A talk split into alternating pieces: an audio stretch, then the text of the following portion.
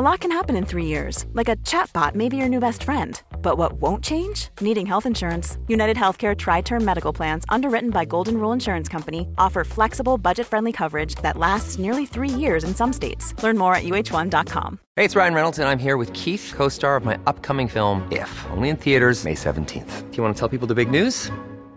All right, I'll do it. Sign up now and you'll get unlimited for $15 a month in six months of Paramount Plus Essential Plan on us. Mintmobile.com slash switch. Upfront payment of $45 equivalent to $15 per month. Unlimited over 40 gigabytes per month. Face lower speeds. Videos at 480p. Active Mint customers by 531.24 get six months of Paramount Plus Essential Plan. Auto renews after six months. Offer ends May 31st, 2024. Separate Paramount Plus registration required. Terms and conditions apply if rated PG.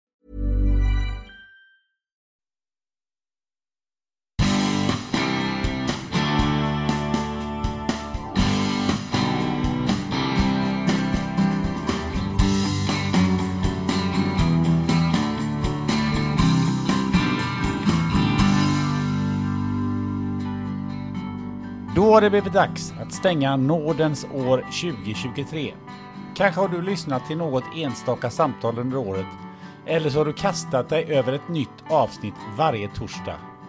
Kanske har du tyckt att någon intervju varit lite för lång eller så har du undrat varför samtalet redan är slut efter två timmar. Hur som helst så vill jag tacka dig av hela mitt hjärta för att du har brytt dig om den här podden. Och du är i gott sällskap. Vi närmar oss 1000 prenumeranter på Spotify. Jag har haft förmånen att träffa många spännande gäster och jag vill därför passa på att tacka alla som tagit sig tid att sitta och prata med mig. Det är verkligen en ynnest att få ta del av er kunskap, reflektioner och tankar. Några samtal har varit extra speciella och citaten i det här avsnittet återspeglar några av dessa. Så hoppas du fortsätter att hänga med mig och mina gäster under 2024. Jag ska göra mitt yttersta för att leverera ännu fler, ännu vassare och ännu mer underhållande och spännande möten under kommande år. Här kommer en påse nyårskarameller. Först ut är professorn i neurokemi, Henrik Zetterberg, som berättar om vad hjärnceller tycker om alkohol. Gott nytt år! Hoppas du får ett fantastiskt 2024.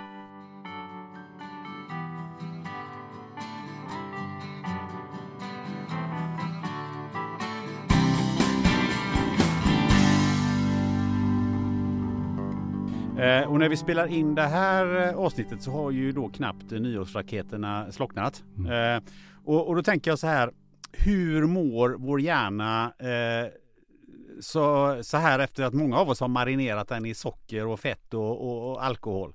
Jo men den, den är ju kanske lite sliten och lite ur balans kan man säga men det är faktiskt så att det är troligen inte så farligt för hjärnan för hjärnans in, ja, hjärnan reglerar ganska mycket vilka näringsämnen den tar in. Så äter vi jättemycket socker och så, så kanske det drabbar kroppen mer än, än hjärnan. För sockerintaget till exempel över hjärnan är jättestrikt reglerat med specifika eh, ja, glukostransportörer över blod-hjärnbarriären.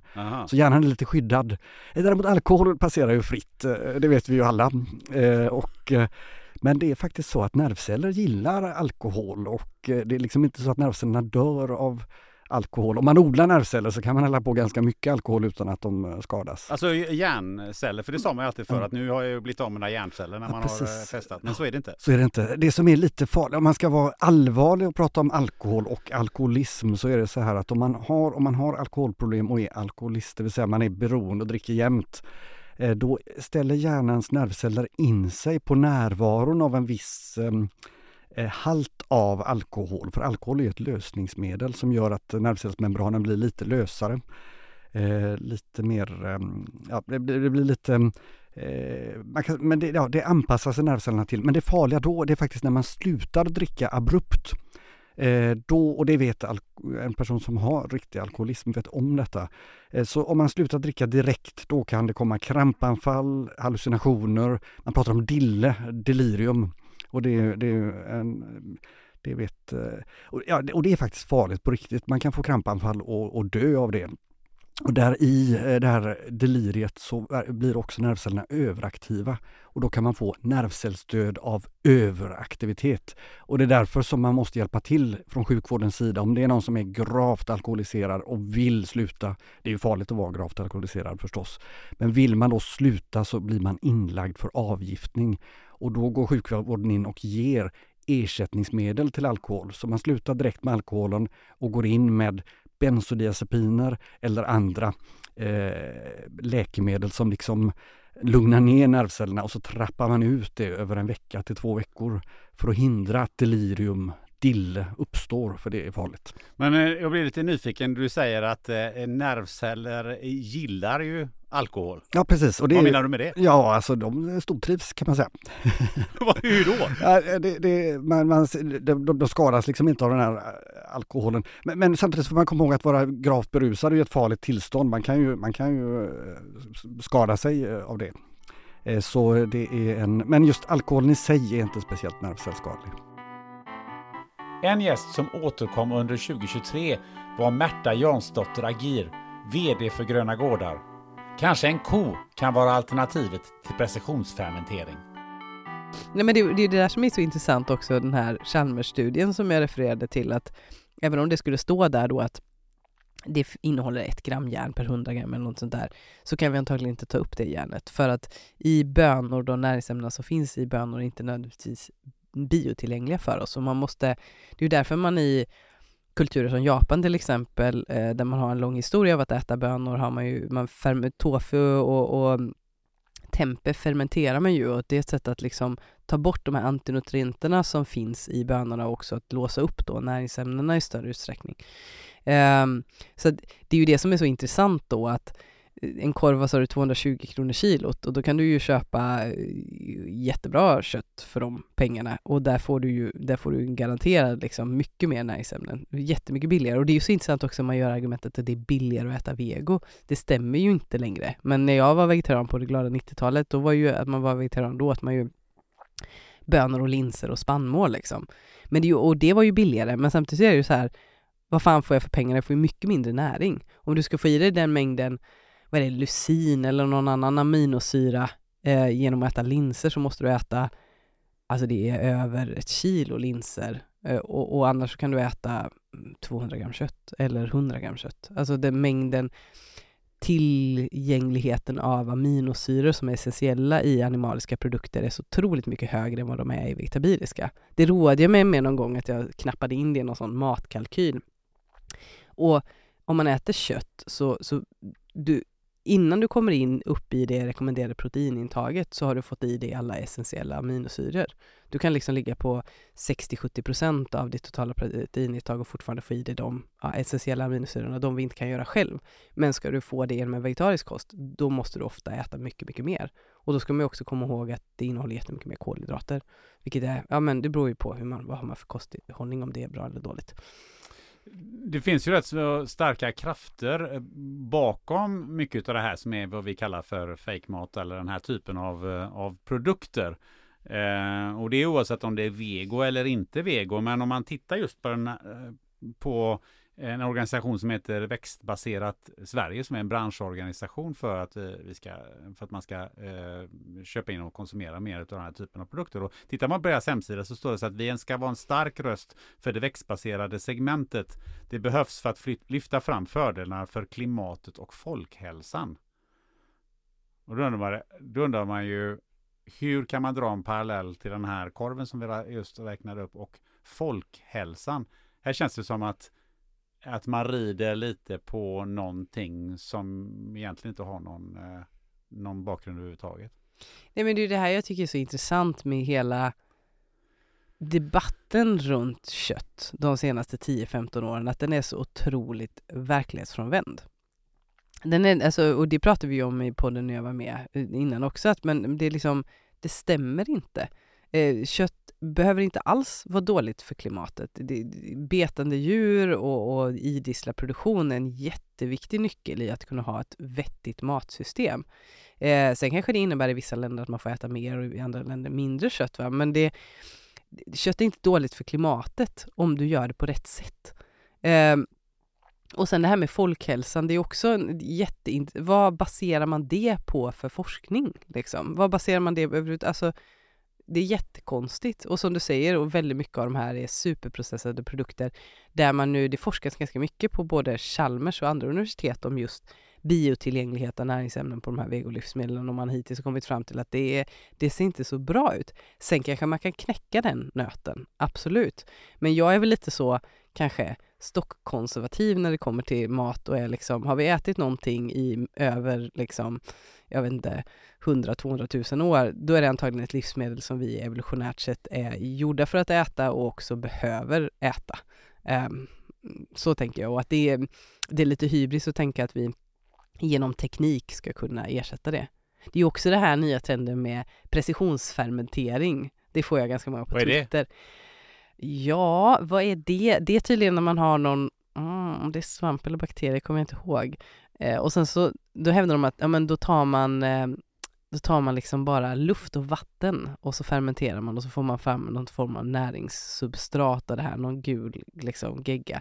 Men sen så behöver du, eller pulver, eh, men sen behöver du tillsätta kalcium och fosfor och alltså du behöver tillsätta näringsämnen i det här, men då ska det ju liksom vara proteinrik då så att man inte behöver då kan vi inte, behöver inte äta kött längre utan vi kan ha bara precisionsfermenterade och då kan vi liksom, behöver inte ens ha jordbruk längre utan då bara precisionsfermenterar vi och jag, och jag är så här, det låter ju väldigt bra men A, kommer det här vara ett livsmedel som vi människor ens biologiskt förstår oss på? Eh, och B, vad är liksom ja, nej, jag är väldigt, väldigt skeptisk till sånt där. Och jag, jag, tycker nog ska man introducera helt nya livsmedel så får man göra det över generationer och se om det är en bra idé. Man kan ju inte bara utgå ifrån att det innehåller protein så kan vi äta det. det då finns det mycket svamp i skogen man kan äta som man inte ska äta. Nu sitter du eh, själv här och representerar eh, kött... Eh, maffian. Maffian eller köttavdelningen. Eh, men om du är lite objektiv och kliver ur den här, eh, din, din egen verksamhet, så finns ju också en köttlobby. Mm. Vad säger de som vi skulle kunna angripa? Ja, men alltså det intressanta med köttlobbyn då, i Sverige är den nog inte så gigantisk stor. Eh, kött och skärkföretagen har en heltidsanställd representant. Otroligt trevlig, men jag tror inte han har tid att, att lobba så hårt för köttet. Eh, men tar man i USA till exempel, där det är ju mycket större företag, eh, så är ju så att väldigt många av de här företagen har ju börjat tillverka vegoproteiner eh, och köpt eh, liksom olika vegoproteinföretag. Och det är ju, är ju även i Sverige som köttföretag har gjort det. Att man, Varför då? Nej men för att man ser väl att, eh, man gör väl analysen att då, att det kommer att bli att det kommer växa och bli stort. Och företag är ju företag, man behöver ju anpassa sig efter hur saker och ting utvecklar sig. Och, och, det är ju lite så jag tror att det kommer vara, att om konsumenten inte längre efterfrågar kött, nej men då kommer ju de här företagen att behöva liksom ändra sin inriktning eh, någonstans. Och ska man vara riktigt krass, det är lite jag var inne på liksom, vad är skillnaden egentligen mellan kyckling och Beyond Burger? Liksom? Det är ju bara vidareförädlade ettåriga grödor. Eh, och det är klart att det är lättare att göra det med en Beyond Burger än med en kyckling, för en kyckling är en levande varelse. Det är ändå ganska komplicerat med levande varelser, även om man har lyckats verkligen med avel och industrialisering få det otroligt effektivt och få djuren att leva tills de ska slaktas och sådär. Um, så att det, det, är ju liksom, men det är ju en industriell process.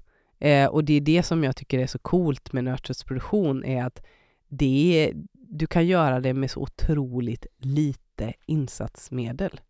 Hur då? Nej men du, du kan ju, du förutsätter det väl att man har kanske ett annat liv, men du, det enda du behöver är ju liksom en gräs och en ko och en människa, eller du behöver två kor eller en ko och en tjur. Um, om det skulle bli fler. Men du kan ju i princip liksom valla runt de här djuren av gräs. Du får ju ha mark också då förstås. Och det behövs inget mer än så vatten då, eh, kommer lägga till. Men det är så, alla de sakerna finns ju i naturen. Men om du ska ha kycklingproduktion och någon effektivitet så är det otroligt mycket mer. Så de har ett mycket mer foder, så mycket mer krävande och, och du, om du ska göra kycklingproduktion i skala så är det otroligt mycket mer teknik och energikrävande kontra nötköttsproduktion som är väldigt low tech. Och det är också om man ska prata liksom krig, eh, självförsörjningsgrad, så ska vi ha ett robust matsystem i Sverige så är det absolut bäst att vi har en stark idisslad produktion, alltså kött och mjölkproduktion, för att det är ett otroligt robust eh, del i matsystemet just för att korna äter gräs som vi har väldigt, det växer väldigt enkelt gräs i Sverige, det växer gräs vare sig man vill det eller inte. Um, och du kan också lagra det över tid, alltså du kan ha mat på vintern och du kan ha mat på sommaren. Eh, och du kan lagra det levande. Eh, och du får också gödsel av de här djuren som är jätteviktigt för att du ska kunna odla andra grejer. Så det, det, är en, det är väldigt, eh, alltså en ko är ju så otroligt mer, mycket mer energieffektivt sätt och finurligt sätt att förädla grödor än vad jag tror vi människor någon gång kommer kunna liksom uppfinna teknologiskt. Och det är väl därför jag tycker det är så kul när folk blir så här precisionsfermentering, det, det är the shit liksom. Och bara, har du provat en ko eller? Det, det är grejer. Shahrzad Kiavash är nog den som gjorde djupast intryck på mig under året. Hon förlorade båda sina ben och nästan livet i sepsis. Men ändå ser är hon tacksam för att få se körsbärsblommorna blomma varje vår. Nej, det, det, här är en, det här är en bra fråga men det är...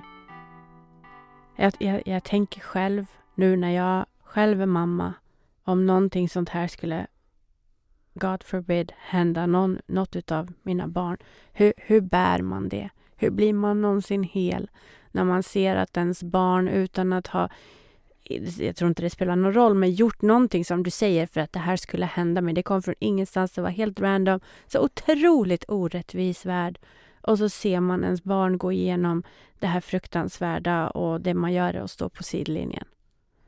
Eh, va, hur ska man någonsin kunna bli bra igen efter det?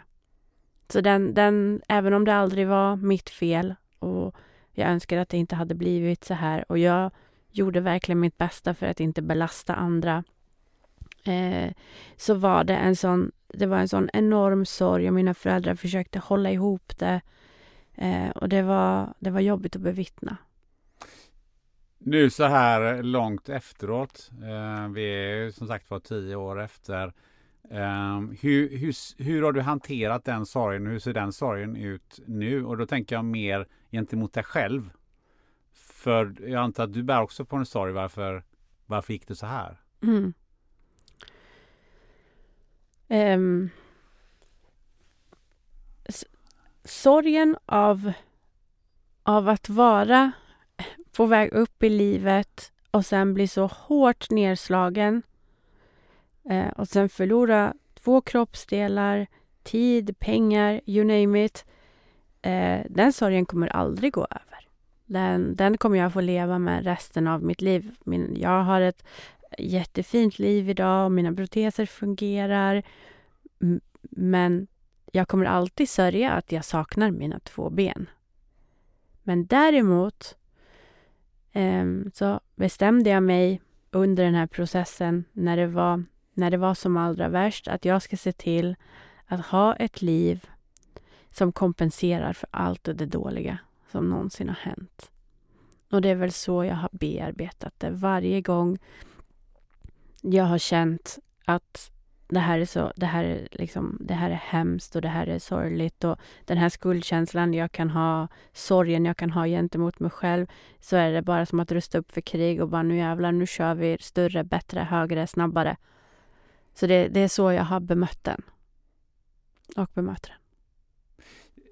En intressant eh, reflektion också tycker jag är, jag intervjuade en kille som heter Aron Andersson eh, en gång i podden. Eh, som ju fick eh, cancer som barn, han var 10-11 år. Vilket gjorde att han då hamnade i, han överlevde men hamnade i rullstol och kan gå lite, lite grann.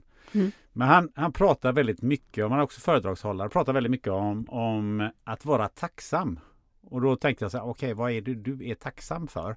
Och då kunde han relatera till att säga att ja, men, eh, jag var tacksam. Eh, som barn lärde jag mig att vara tacksam. För när jag låg där och fick eh, behandling så hade jag en annan, var det en annan pojke som låg inne i samma rum som mig.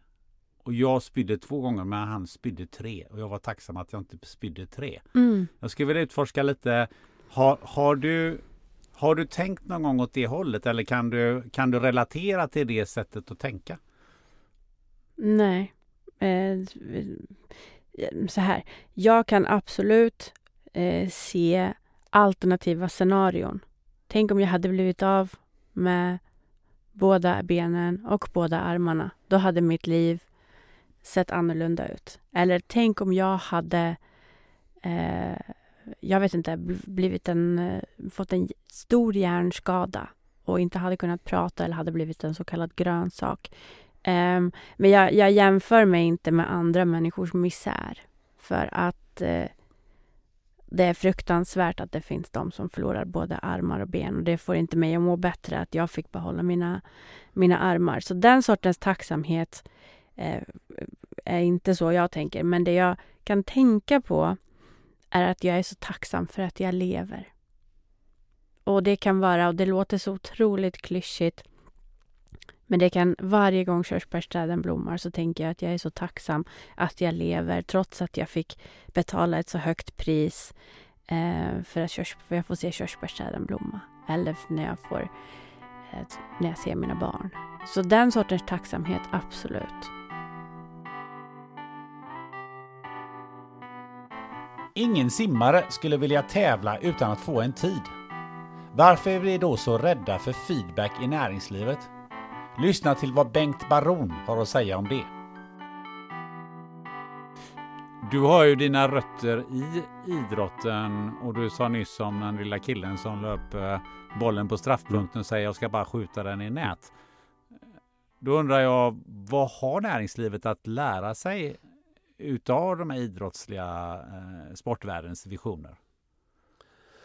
Nej, men jag tror att man, man, man övar på ett antal färdigheter i idrotten som man har nytta av. Sen tror inte jag att idrotten har ensam rätt på den. Jag tror att om man är en idog musiker så, så tränar man på samma saker. Eh, är man en scoutledare så tror jag man tränar på samma saker. Men just det att man tränar på ett antal färdigheter som är just det att våga drömma, sätta upp mål, bryta ner det delmål, säga okej okay, vad krävs att komma dit, göra jobbet. Och sen tror jag det absolut, det som är mest unikt med idrotten, det är vårt enormt naturliga förhållningssätt vi har till uppföljning och utvärdering. Eh, ingen simmare skulle vilja simma ett lopp utan att få en tid. Oavsett om den är bra eller dålig så vill jag ha en tid. Men i näringslivet och många organisationer så vill vi att folk ska simma väldigt många gånger. Men vi vill inte tala om för dem vad de har för tid. Hur då? Vad, vad för, vi, vi är livrädda att berätta att den inte var så bra. Vi är, vi, vi är ganska rädda för negativ feedback heter det, vilket för mig är ett väldigt märkligt uttryck. För om man tänker tillbaks på vad är det vi försöker göra? Jo, om jag nu har en, en, en, en dröm eller ett mål så har jag ju satt ihop en aktivitetsplan eller ett arbetssätt eller ett team för att nå dit. Och jag tror att det är den bästa vägen, eller hur? Och sen jobbar vi som tusan om det visar sig att det är rätt och vi utvärderar så här, ja men vi är på väg. Det är ju att fira segrar. Det är ju, mer energi kan man inte få.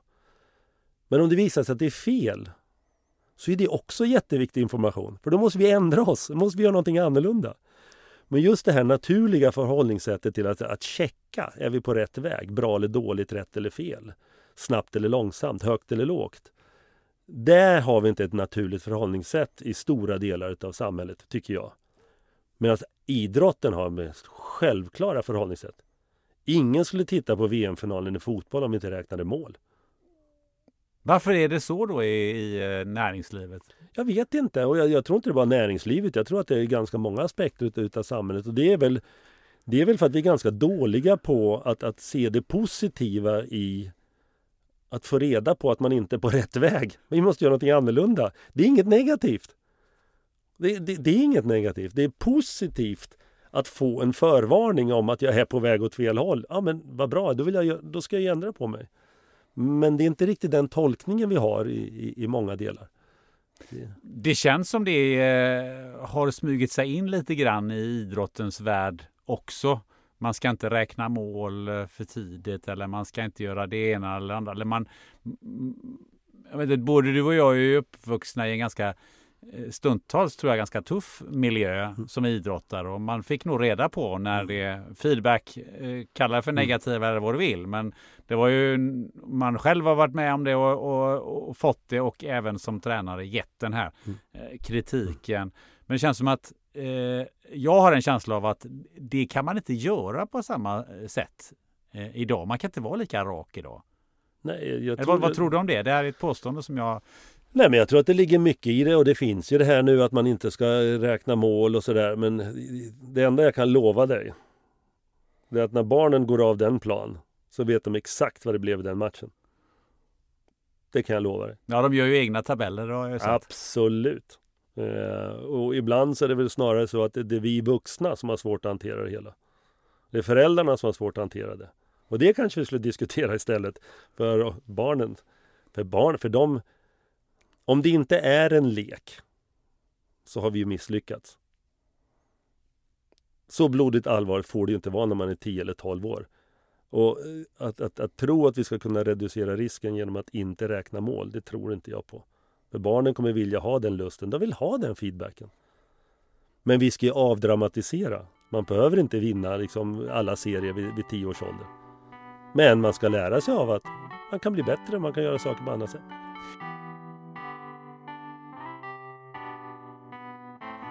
Leif Östling undrade vad fan får man för pengarna? Här kommer några fler one-liners från företagsledaren som inte alltid är politiskt korrekt.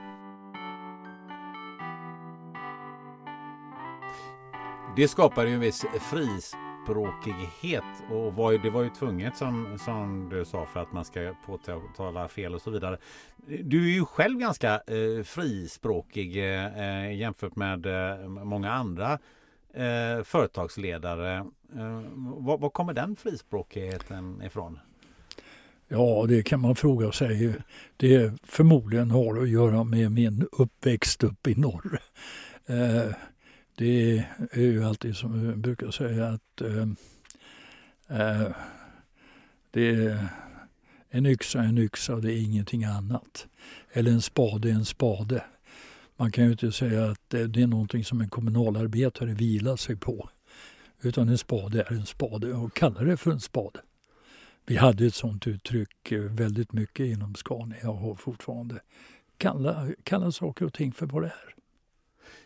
Eh, jag har läst eh, det var någon eh, journalist som kallar dig en frispråkig punkare iklädd mörk kostym. Eh, hur, hur mycket känner du igen dig i den beskrivningen? Ja, jag vet inte riktigt. Det. Ja, men du är inte rädd för någon, vad någon Nej. säga vad någon, du är inte rädd för att, att, att vad någon ska tycka om det du säger, är det så? Nej, jag är inte det och det, är väl, det har ju flyttit ut en hel del eh, åsikter ur min mun här under årens lopp. Det är ju inte bara detta, vad fan får jag för pengar? Nej. Och eh, jag kallar ju någonstans, det var på en Rotaryklubb i mitten på 90-talet eh, att Gyllenhammar, PG, skulle gå till historien som Sveriges största industriförstörare. Ja just det, det är också en one-liner som ja. du har levererat. och, och det var väldigt kul för att han var ju inte så populär inom Volvo. Så Sten Langenius som var chef för Volvo lastvagnar, han ringde mig några dagar senare och sa ja, du kan inte komma hit just nu och köra lastbilarna för PG är så förbannad på det. Men det var jävligt bra vad du sa. och, så att eh, det, är ju, det är ju sånt som händer och jag vet, eh, jag sa vid något tillfälle också, det var när Emma in var inne och eh, höll på med Scania. Och eh, eh, de hade ju gått väldigt illa åt Scania här och jag tror det var kring 2005, 2006 någonting sådant så eh, gav man ju ett bud på Scania. Och eh, det där sa ju från Volkswagen som stor ägare bara nej till. Och så var det någon intervju, jag vet inte om det var TV4 som ja, nu tyskarna och nu har de kört på och så vidare. Och Ja, så är det, det är ju så med tyskar. De kör ju allt med blixtkrig, men de har ju aldrig vunnit något. Hur var reaktionen på det? Ja, den blev lite sur ifrån från ordförande Peter Rieder som var österrikare för Scania. Han tyckte det var onödigt att säga så. Så jag ringde då till Ferdinand Piers eh, som var chef för alltihopa, ordförande för alltihopa. Och han skrattade, han skrattade bara i telefon. Herr Östling. Ich bin Österreicher. Jag kan ju tycka det som har tyskt påbrå tycker, kan ju tycka att det är fruktansvärt roligt. Alla sådana där skämt tycker jag är, eller sådana där one-liners tycker jag är fantastiska.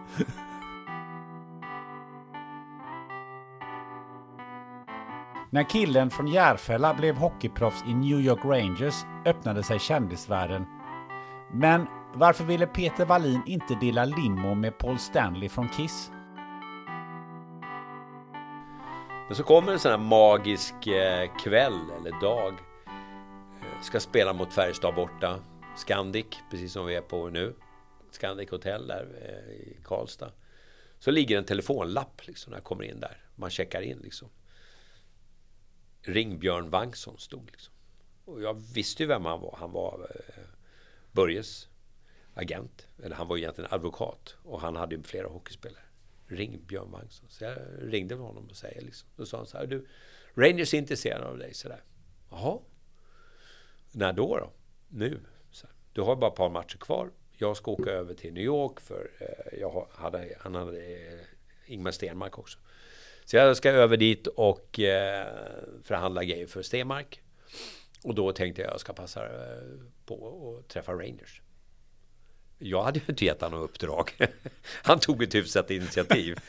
Och jag hade väl inga alternativ heller. Liksom. Men eh, så blev det. Så han åkte över ett par dagar senare. Eh, och så ringde han och sa nu ska jag träffa Range klockan ett här då. Så, att, eh, så får vi se hur det går. Ja. Och så ringde han två timmar senare. Ja, nu sitter vi och förhandlar här. Så att, eh, jaha. Och vad innebär det då? Ja, vi får väl se om vi går i mål. Så han tog liksom förhandlingen? Hela, alltihopa! På rotmos. Ja, och sen ett på natten svensk tid, då ringer han. Grattis! Ja, vadå liksom? Ja, du är proffs. Okej. Okay. Jaha. Och vilken, vilken fråga ställde jag först? Hur mycket pengar? Exakt! vad, vad kommer jag tjäna? Ja.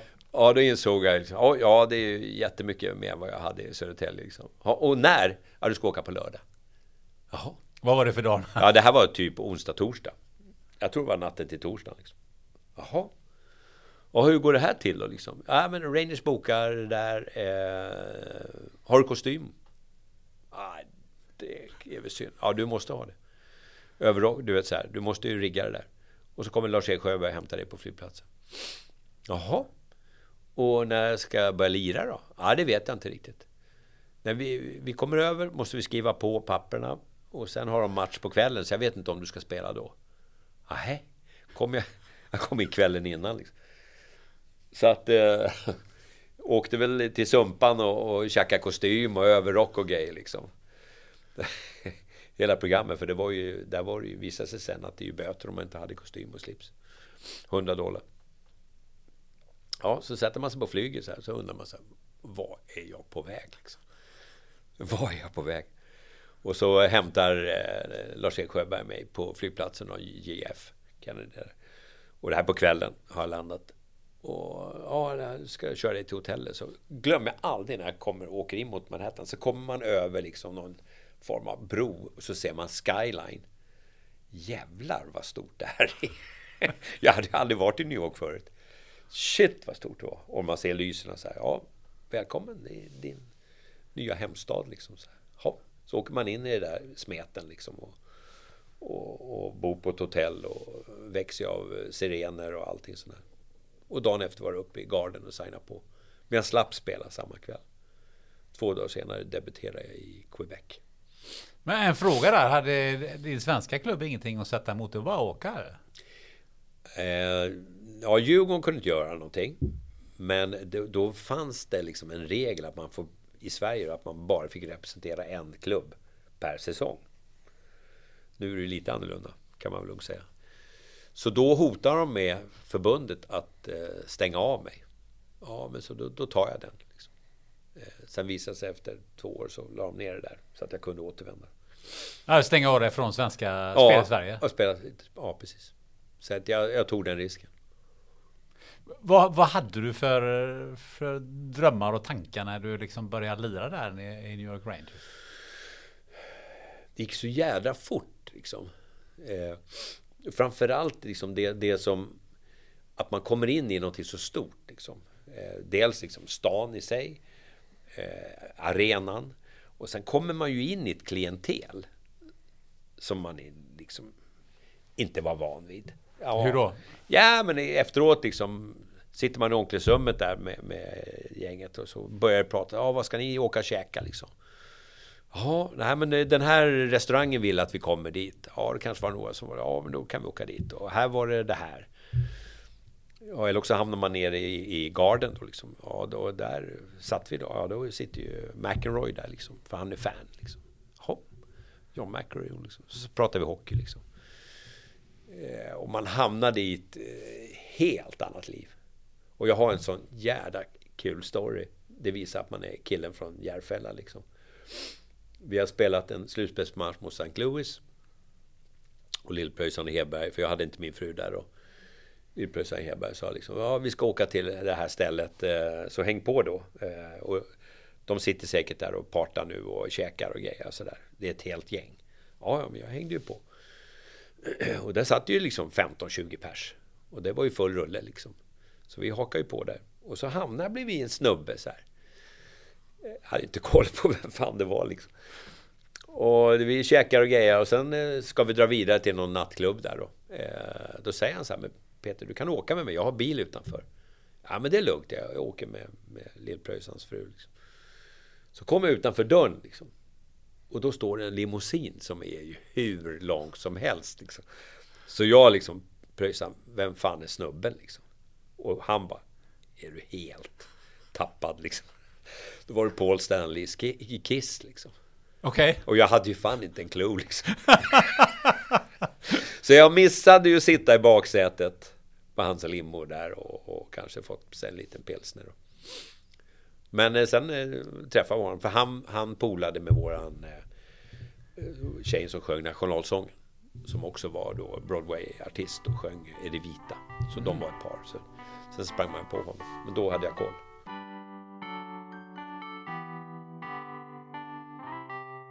Hur hanterar man hemligheter när man sitter på en fest eller pressas av journalister? Eller blir påhoppad av människor som tycker att polisen gör ett dåligt jobb? Här kommer några tips från Claes Friberg, före detta Säpo-chef. Ja, ja, men eh, det, per definition är det väl halvsvårt kanske. Eh, men jag är ändå jag är van vid det liksom från polissidan och det är mycket jag har hanterat där som har varit helhemligt. Uh, uh, så ja, ja, det har sina svårigheter. Uh, vad är svårast? Nej, men det är liksom att tänka till innan eh, man svarar. Och, och, eh, ofta har det ju gått till så, när jag tänker tillbaka, att, att eh, när, när, när jag var på Säkerhetspolisen så hade man press, det var även så på polisen, för hade man, när man har en presskonferens så är egentligen det den lilla delen. Den stora delen är efter presskonferensen när man ska göra sex enskilda intervjuer. Och det är klart att när man gör intervju nummer fem, när man gör intervju ett då är man liksom på tå. Eh, så att man inte säger för mycket eller fel. Men det är klart när man gör intervju nummer fem inom ramen på en halvtimme att då, då krävs det nästan att det står någon bredvid som säger nu skärp dig nu Friberg så att du liksom är med nu också. Så man inte säger för mycket eller säger fel. Då. Jag kan tänka mig att man känner sig lite som en kopieringsmaskin. Ja, jag, efter... hatar, jag hatar skrivna tal. Uh, jag, jag, tycker att det, jag, det är det värsta jag vet, att lyssna på folk som läser innantill. Uh, och, och det är samma när liksom man gör en intervju. att Jag tycker, jag har den bilden av när jag ser andra. Att ja, men det är bra att de inte läser sina svar ur ett manus. Liksom. Uh, så att uh, det, är, det är mot min egen natur att vara... Så att jag blir trött på att kopiera mig själv, absolut. Men jag har haft bra medarbetare som har sagt till mig hela tiden, nu får du, nu får du kopiera dig själv. Även denna gången. Har du så här efteråt känt någon gång att ja, man, där var jag ute med ja, en skridsko på, absolut. på, på, på halis? Absolut. Jag har till och med varit ute med två skridskor på halis. Kan du eh, förmedla Nej, någonting? kan jag inte. Eh, men när du kommer hem då, eh, alltså om jag är frustrerad, min fru är frustrerad mm. över, över, jobbet eller någonting som har hänt eller så, så, så, så pratar man ju av sig. Mm. Hur funkar det hemma hos familjen? Ja, det får du fråga Lena om. Men eh, för min del så upplever jag att Lena har tröttnat för länge sedan för att ställa frågor till mig, för hon vet att hon får inga svar. Eller i alla fall inte den djupet på svaren som hon kanske skulle vilja ha. Man får lära sig att prata om jobbet i lite mer generella termer. Och, och, och jag tycker att för min, min del har det varit viktigt att både jag själv och Lena har, vet om vilka medarbetare jag har och liksom, så kan man mer prata om allmänmänskliga saker, hur medarbetarna mår och vi kanske träffas ibland i olika konstellationer och så vidare. Så att, uh, nej, men jag, jag har inte upplevt det som någon svårighet faktiskt. Det kanske tyder på svaghet hos mig själv att jag inte liksom upplever det. Men, men, uh, och Lena är, är, har liksom förstått att sedan länge, lång tid tillbaka, att det är ingen idé att ens försöka. Hur är det att gå på, gå på party? Ja, det, det, är ju, det är ju risk att man hamnar i samma hörne hela tiden. Att, att ja, men, folk är naturligt intresserade av de frågorna även när jag jobbar inom polisen och kanske ännu mer inom säkerhetspolisen. Man lär väl sig hantera det också. Men ofta, blir ju, alltså, ofta blir ju diskussionerna runt omkring kriminalitet och hur kan det vara så som det är och vad gör ni inom polisen egentligen? Och, och då hamnar jag i samma spår ofta där. Nämligen att, ja vad gör du själv då? vad gör du själv? Hur mycket engagerar du dig för de ungdomar som är i glid? Eh, och så vidare. För det är där det, det, är där det hamnar, tycker jag. Det är en bra motfråga. Ja, men det, det är en bra motfråga för det finns en det finns en, nu hamnar jag tillbaka där vi pratade om tidigare, men jag hamnar ändå där att fler måste göra mer. Uh, och, och, Det går inte att lita på att varken statligt anställda eller kommunalt anställda kan ta hand om allting utan vi måste alla ta en ideell andel och se till att, att eh, jag tänker på ungdomarna framförallt, får en möjlighet till ett, ett skapligt liv här, eller ett bra liv i, i Göteborg, om vi börjar här i Göteborg. Innan vi lämnar partyt, party mm. brukar det serveras alkohol. Ja. Hur hanterar man det? Ja, men det måste man ju hantera och förstå och så vidare. Då. Men uh, uh, jag upplever nog att jag, det sitter så djupt i mig att inte avslöja något eller säga. Så även uh, efter några glas vin så finns ja, det ingen risk att du... Eller så, eller så drack du inte några glas vin? Jo, det gör jag nog gärna. Men, men nej, jag upplever inte att jag... Det, det sitter någonstans i ryggraden att inte gå över den linjen. Ever catch yourself eating the same flavorless dinner three days in a row? Dreaming of something better? Well, HelloFresh is your guilt-free dream come true, baby. It's me, Gigi Palmer. Let's wake up those taste buds with hot, juicy pecan-crusted chicken or garlic butter shrimp scampi. Mm. Hello Fresh. Stop dreaming of all the delicious possibilities and dig in at HelloFresh.com. Let's get this dinner party started. Many of us have those stubborn pounds that seem impossible to lose, no matter how good we eat or how hard we work out. My solution is PlushCare. PlushCare is a leading telehealth provider with doctors who are there for you day and night to partner with you in your weight loss journey. They can prescribe FDA-approved weight loss medications like Wagovi and Zepbound for those who qualify. Plus, they accept most insurance plans. To get started, visit plushcare.com slash weight loss. That's plushcare.com slash weight loss. A lot can happen in three years, like a chatbot may be your new best friend. But what won't change? Needing health insurance. United Healthcare Tri Term Medical Plans, underwritten by Golden Rule Insurance Company, offer flexible, budget friendly coverage that lasts nearly three years in some states. Learn more at uh1.com. Nils von Heine fick som tioåring alla rätt på geografiprovet och ansågs därefter som supersmarta killen som skulle bli framgångsrik. Men ville han det själv? För att det var första gången vi gjorde prov i skolan. Så jag fick en chock för första provet. Jag hade inte upplevt mig själv som duktig i skolan på något sätt. Och sen när vi började göra prov så insåg jag att ja, men just det där att svara rätt på provfrågor, det hade jag talang för. Eh, och då följde en massa, liksom, så, ja, om du är duktig på det, då kommer du få höga betyg och då kommer du liksom eh, bli framgångsrik och då kommer du tjäna mycket pengar och så, kommer, och så vidare. Och så, vidare. kommer du göra karriär. Så plötsligt så började liksom min omvärld eh, berätta en berättelse för mig om vem jag var. Och jag var tio år, så jag köpte ju den med hull och hår. Jag bara wow, jag får massa uppskattning för det här. Okej, då ska jag fortsätta ha så många rätt jag kan på alla de här proven framöver. och sen så blev det bara som att säga, okej, okay, så när jag har gjort det, då ska jag göra det. Okej, okay, det har högt betyg. Ja, då kan jag inte gå på vilken skola som helst. Då måste jag ju gå på en, en, en skola som det är svårt att komma in på. För annars så wastear jag det här höga betyget. betyget. Så gick jag på Handelshögskolan i Stockholm. Um, och där någonstans började det skifta lite grann. Så där hittade jag till kreativitet och kommunikation, men hade fortfarande en högpresterarberättelse i mig. Och det har jag delvis fortfarande. Den är inte, jag är inte klar med den processen. Men... Ja, för på Handelshögskolan så mötte du väl 300 andra som... Ja, och alla gick igenom en livskris. Alla, alla har varit bäst i klassen och sen så plötsligt så är det ibland 299 andra personer som också alltid har varit bäst i klassen. Och, och 299 av 300 får en livskris för att de är inte är bäst i klassen längre. och i det så kommer jag säga, jaha, men okej, okay, vem är jag? Har jag ens ett värde liksom? Och, um, Apropå den relativiteten vi pratade ja. om, eh, om det här med miljonerna ja. och pengarna. Det blir väldigt stressigt och väldigt jobbigt att tävla med alla dessa andra högpresterare. Eh, men det är det som sker och det vi i mångt och mycket gjorde. Och jag vet inte hur det är idag, men så var det då i alla fall, när jag blev Så jag har både haft liksom det här livet av högpresterare och sen så har det successivt eh, tagit över mer och mer av nyfikenhet och kreativa uttryck. Så att det började med att jag blev intresserad av kommunikation och internet. Um, och hittade till entreprenörskap och liksom började starta en massa olika saker, massa olika företag och projekt och appar och, och allt möjligt. Och så fortsatte jag på den banan, men jag var alltid på något sätt framgångsrik. Jag var alltid en högpresterare. Jag var alltid i... Jag var, jag var liksom aldrig etta i den här tävlingen, men jag låg alltid långt fram i tävlingen i förhållande till min omgivning, upplevde jag. Men var det viktigt att du skulle bli etta?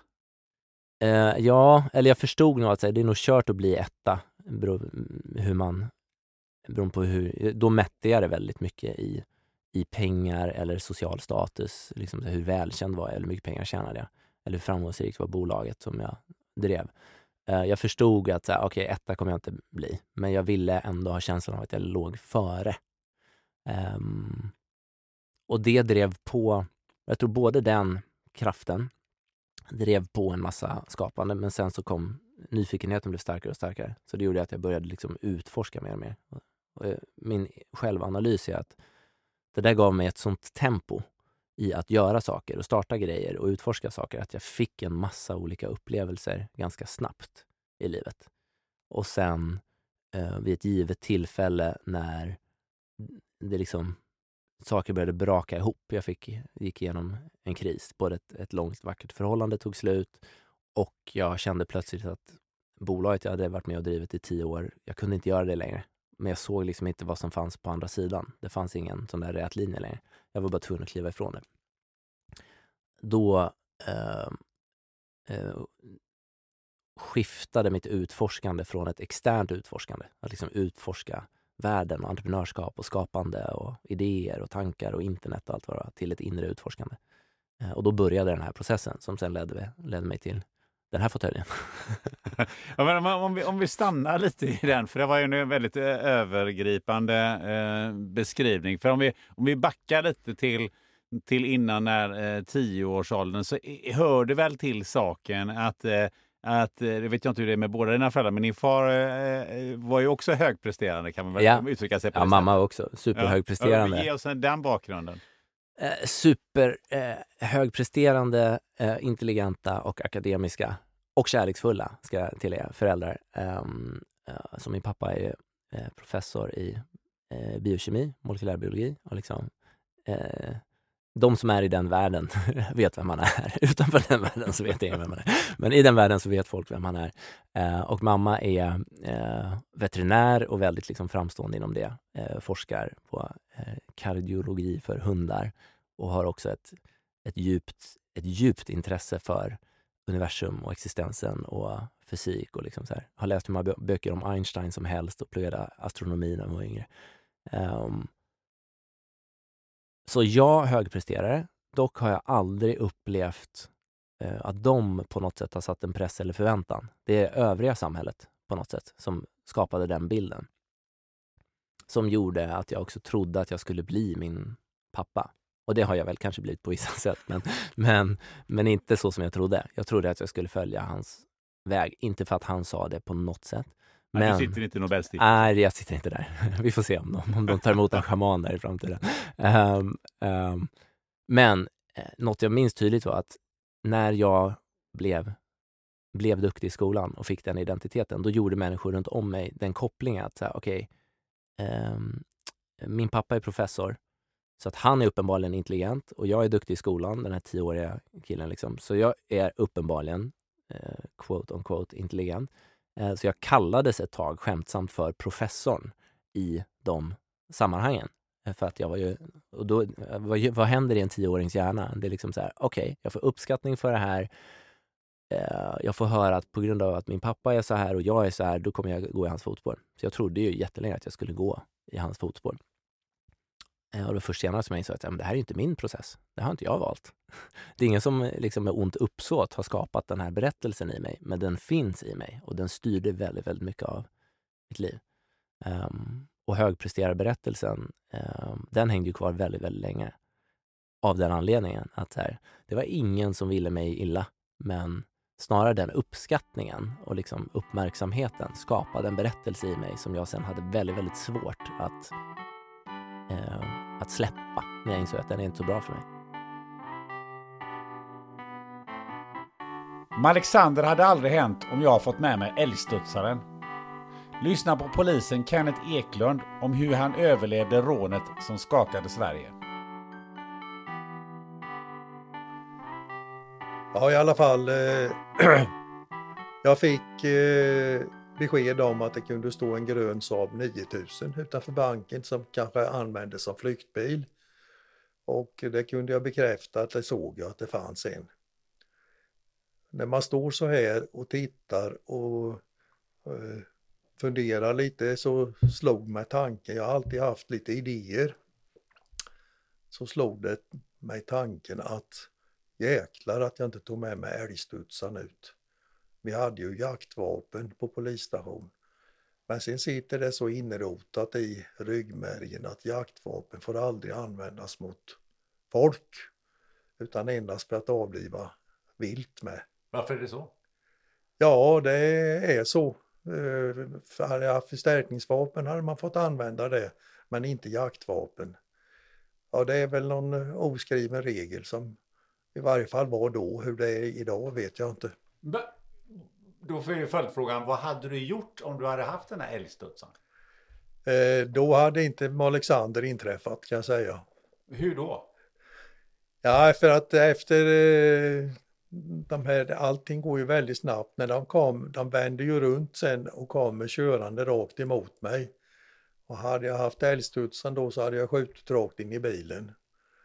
Två, tre snabba skott och då hade nog de varit försatta ur stridbart skick kan man säga. Men det var ju bara ändå tre. Hade du, ja. tror, du tror att du hade träffat alla ja. tre? På... Ja, ja, ja. Det hade det. Är ett kraftfullt höghastighetsvapen med älgstudsaren så att det, det hade gått. Men eh, nu gjorde jag inte det. Utan jag hade bara mitt tjänstevapen och eh, de åkte till vänster om en trafikdelare som det var där då. rakt emot mig. Och jag såg att det stack ut tre vapenpipor. En från förarfönstret och två från bakfönstret. På bilen.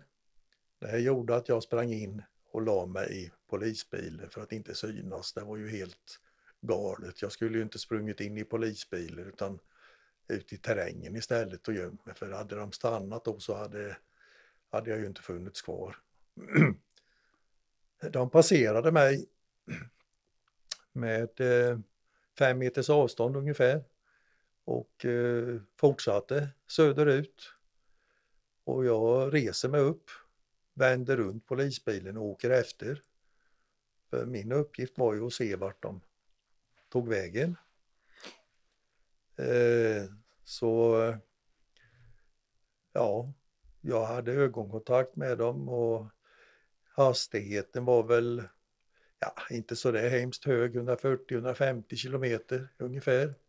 Nu har jag kört på de här eh, vägarna runt omkring, inte kanske inte just på den vägen som du beskriver här nu, men 150, 140-150 är rätt fort på en sån väg. Ja, inte precis just där på det stället eh, funkar det väl nog.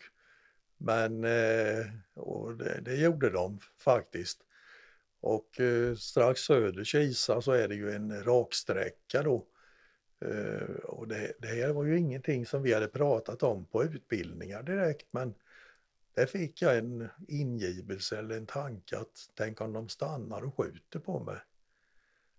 Så det hade jag ju med mig i... Hur kunde du få den ingivelsen? Ja, det kan man fundera på. Det kom uppifrån någonstans, förmodligen. Eh, I en högerkurva gör de en omkörning av en annan personbil. Eh, de här rånarbilen. Och eh, här kunde det ju kommit då en timmerbil från andra hållet. Det hade ju varit stopp där då för dem, men det gjorde det ju inte. När jag kommer ur den här högerkurvan så är det ytterligare en mindre raksträcka och eh, då ser jag att de har stannat på den raksträckan. De har väl 150 meter ifrån mig. Jag bromsar så mycket jag kan. Eh, ABS ABSen slår i så det smattrar. Eh, jag börjar backa.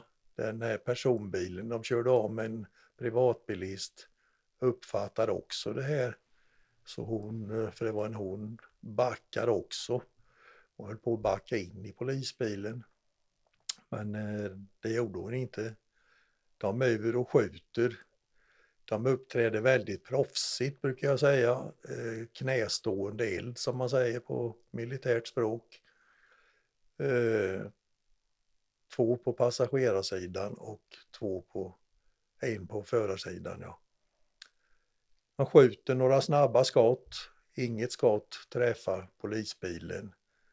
Eh, vid utredningen sen visade det sig att en kula hade passerat hennes högra backspegel då, och det var väldigt nära mitt eh, ansikte kan man säga. Han hade gått lite längre åt andra hållet.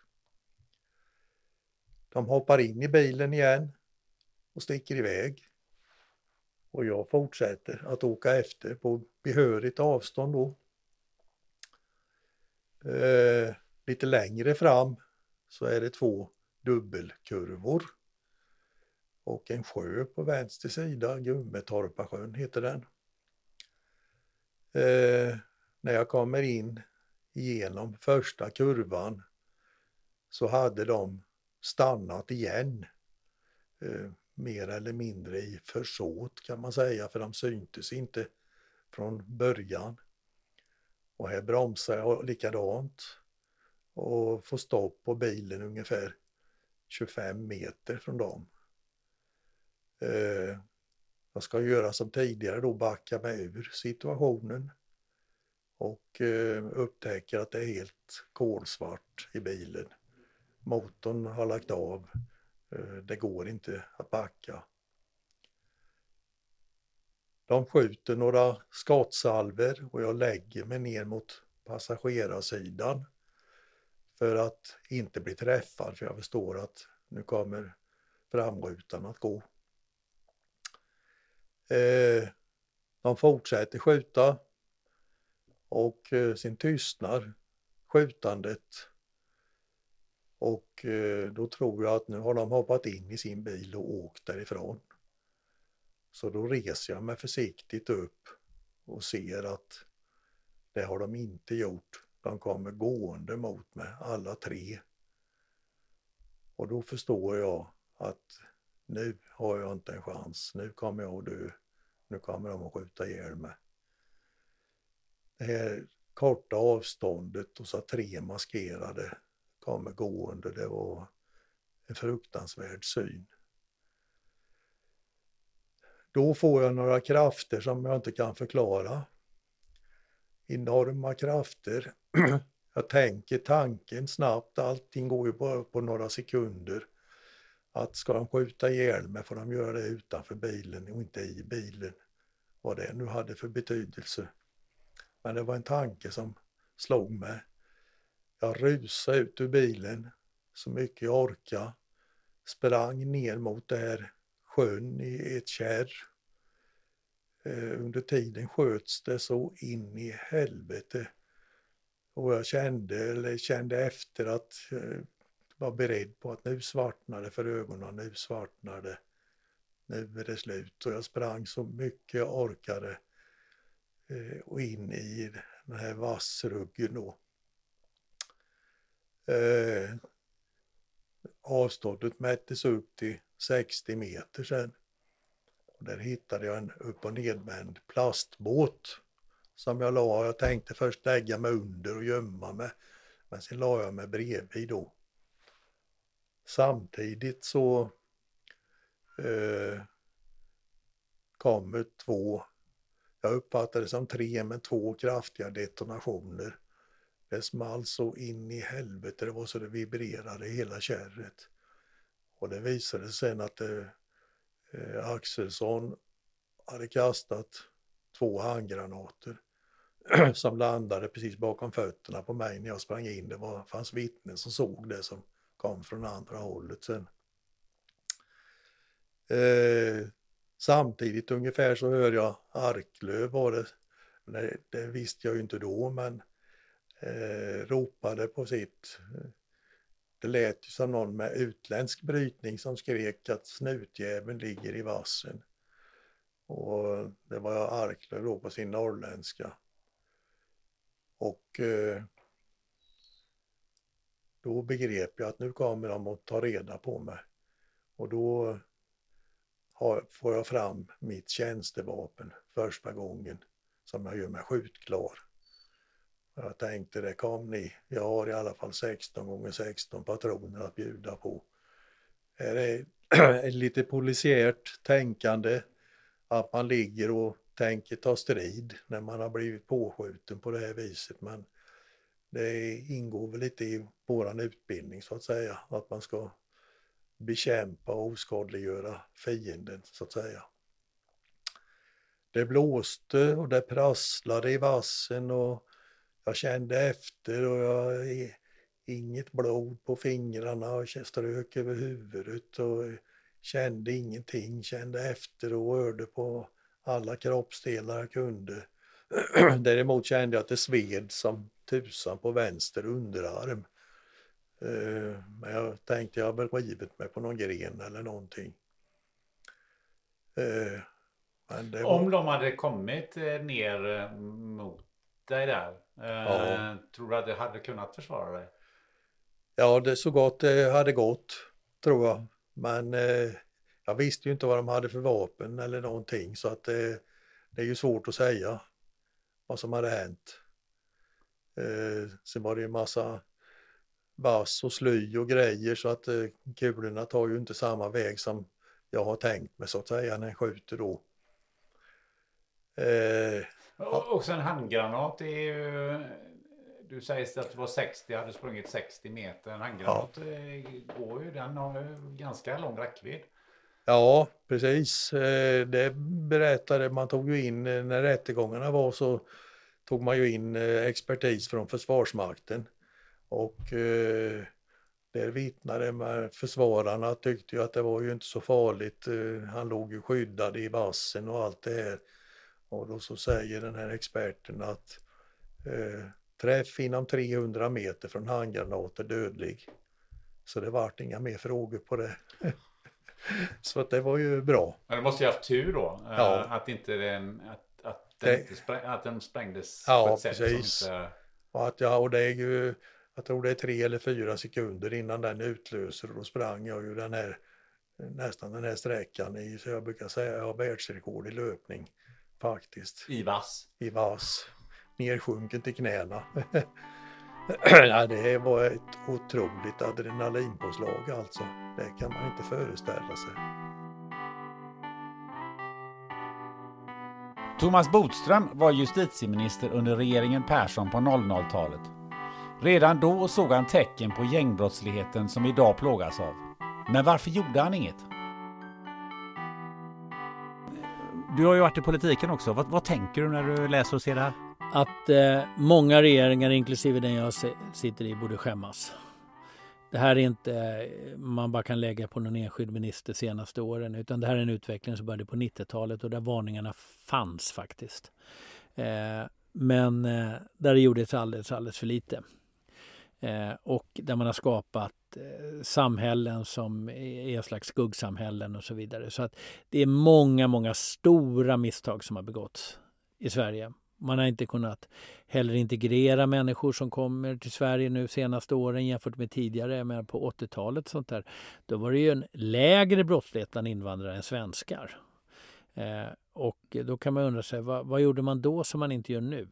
Vi har ju stora, stora problem med skolan till exempel som kan ha varit den, det ställe där personer som började hamna på glid kom på rätt spår igen genom duktiga lärare och så vidare. Men, men som skolan ser ut nu, inte minst i segregerade områden, så, så får man inte det hjälp och stöd som man har rätt till, även om de lärarna kämpar på jättemycket. Vad är de största misstagen man har gjort enligt dig?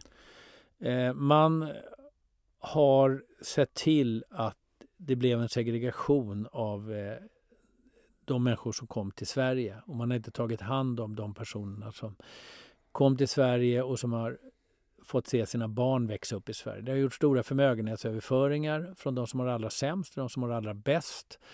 Eh, vi har haft en bostadspolitik som har gjort att människor som bor i villor ute i de finare förorten bor i, har i praktiken bott gratis eller bostadsrätter i innerstan. Medan mina klienter som bor i utsatta områden de har betalat hyra varenda månad. Eh, medan då de eh, som har det betydligt bättre, de, de eh, har alltså bott gratis. De, ja, de har med Ja, de med, med, med värdestegringen på bostäderna så bara flyttar de högre, högre, högre upp. Och eh, när man räknar efter så har de inte betalat en enda krona för boendekostnader på kanske ett par, tre decennier. Sen är skolan som sagt, den har utvecklats väldigt illa. Jag tycker att det är bra att det finns alternativa som friskolor och så vidare. Men jag kan inte förstå varför man ska ha vinstuttag. Vi är nästan ensamma om det i hela världen. Det är klart att det ska finnas profilskolor för skådespelare, fotbollsspelare och allt sånt där. Självklart. Men varför ska man ha de här vinstuttagen? Eh, det är vi som sagt nästan helt ensamma om. Så att eh, det finns ekonomiska och sociala orsaker, misslyckad integrationspolitik i det här. Eh, så att det finns flera olika områden. Men det är inte höjda straff som stoppar det här utan det är att göra om en reformerad ekonomisk och social politik. När man pratar med advokater, det kan vara ingripande poliser, det kan vara före detta Säpochefer, terrorexperter, eh, skolattacksexperter, socialarbetare, lärare, you name it. Eh, jag har haft några stycken i, i, i podden. Så säger alla samma sak. Ja. Vi måste börja på, på, på fritids. Mm.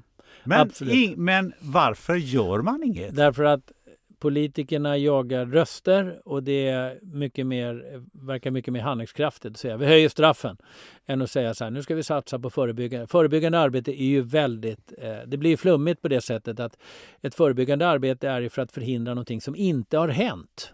Medan att bekämpa brottslighet det är att göra någonting som har hänt. Och då är det mycket lättare att prata om höjda straff. Men är det inte lite grann att om du har ett badkar som håller på att rinna över för att det rinner in en jävla massa vatten. Så, så istället för att stänga av kranen så håller du på att ösa som fan. Ja, det är det man gör. Och faktum är att jag är väldigt kritisk till det. Jag var kritisk också till socialdemokratiska regeringen som bara pratade om höjda straff. Särskilt som de aldrig kan slå Moderaterna och Sverigedemokraterna höjda straff. Eh, de bara ger dem rätt. De bara legitimerar en, en högerpolitik som jag tycker är helt galet att Socialdemokraterna ska ägna sig åt.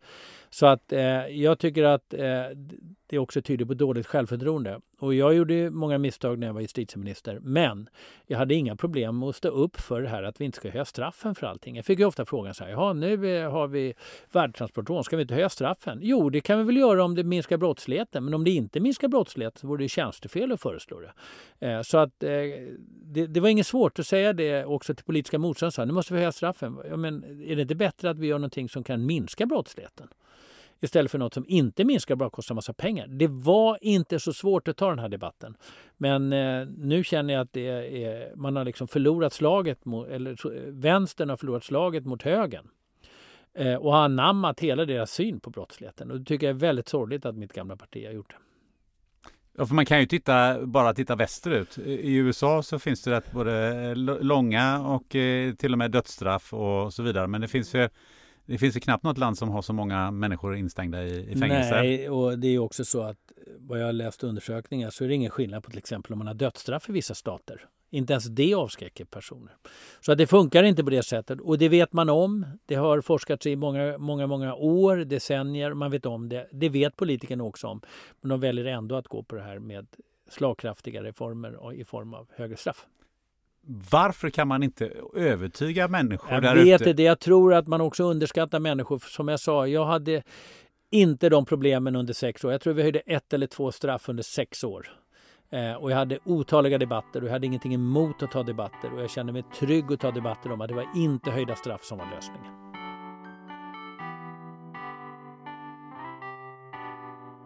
Hur möter man världens farligaste orm på en decimeters avstånd utan att bli biten?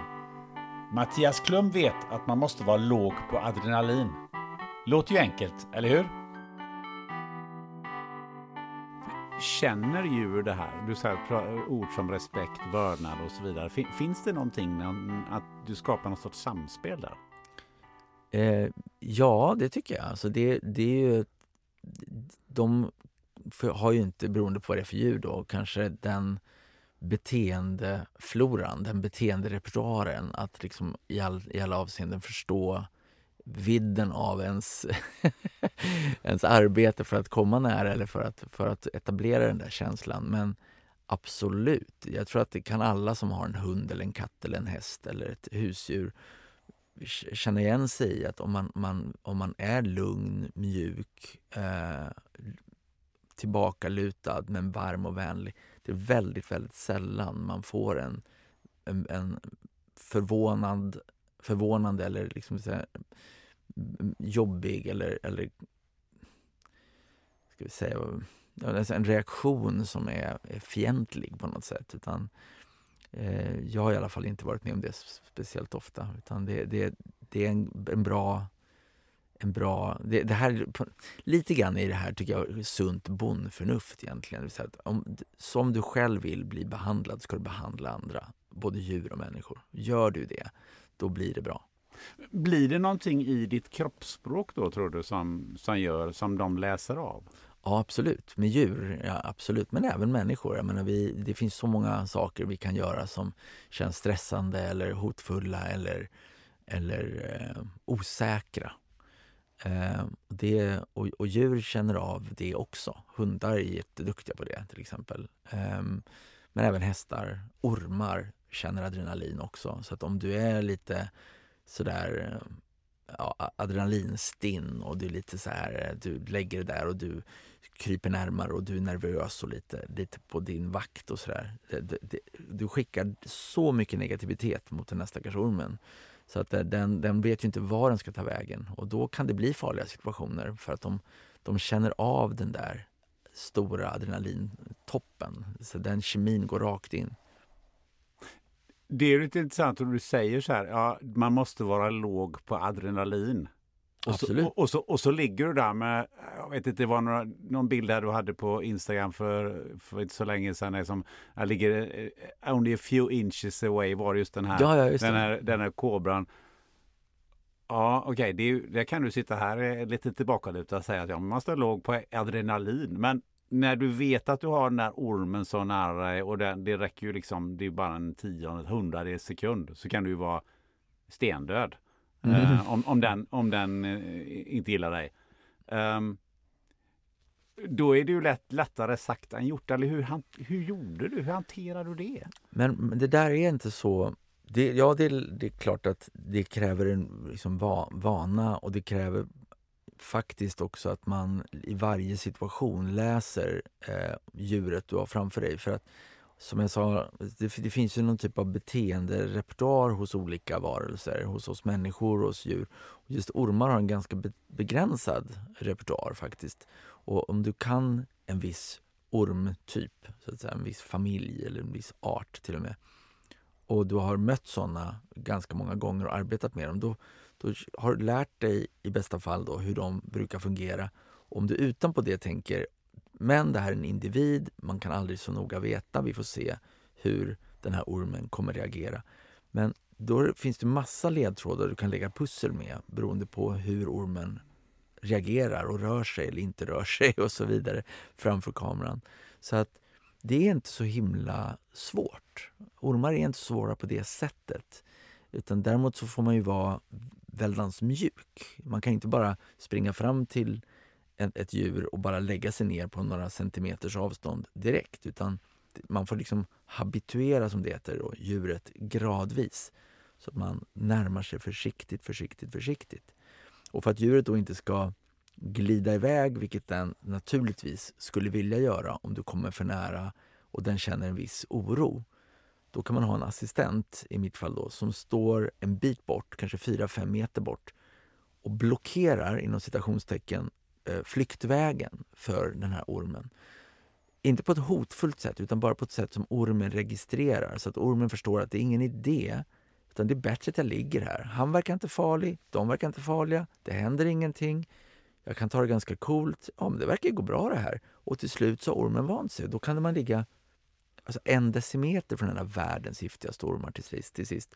Och det häftiga med det här, det här älskar jag, det är att som tack för hjälpen, för att man har närmat sig på ett vettigt sätt, så kan ormen, liksom när, den sen, när man är klar med ormen och ormen väljer att glida därifrån, då kan den liksom ta genvägen över ens armbåge eller någonting med hela dess, i, i dess fulla längd. Och det, för mig, det är så här, det är som en gåva från naturen. Då har jag lyckats komma så nära en av världens vackraste varelser som jag får fånga på bild och sen tar den i mig när den, innan den försvinner ut i sin stora skog. Alltså, ah, det tycker jag är fint. Gabriel Odenhammar blev Håkan-Bråkan och Max med hela svenska folket. Men vad händer när karriären plötsligt tar slut innan man ens hunnit fylla 20? Jag kände väl inte så då, mer än att jag vet att jag tyckte om att vara full. Jag tyckte om att festa.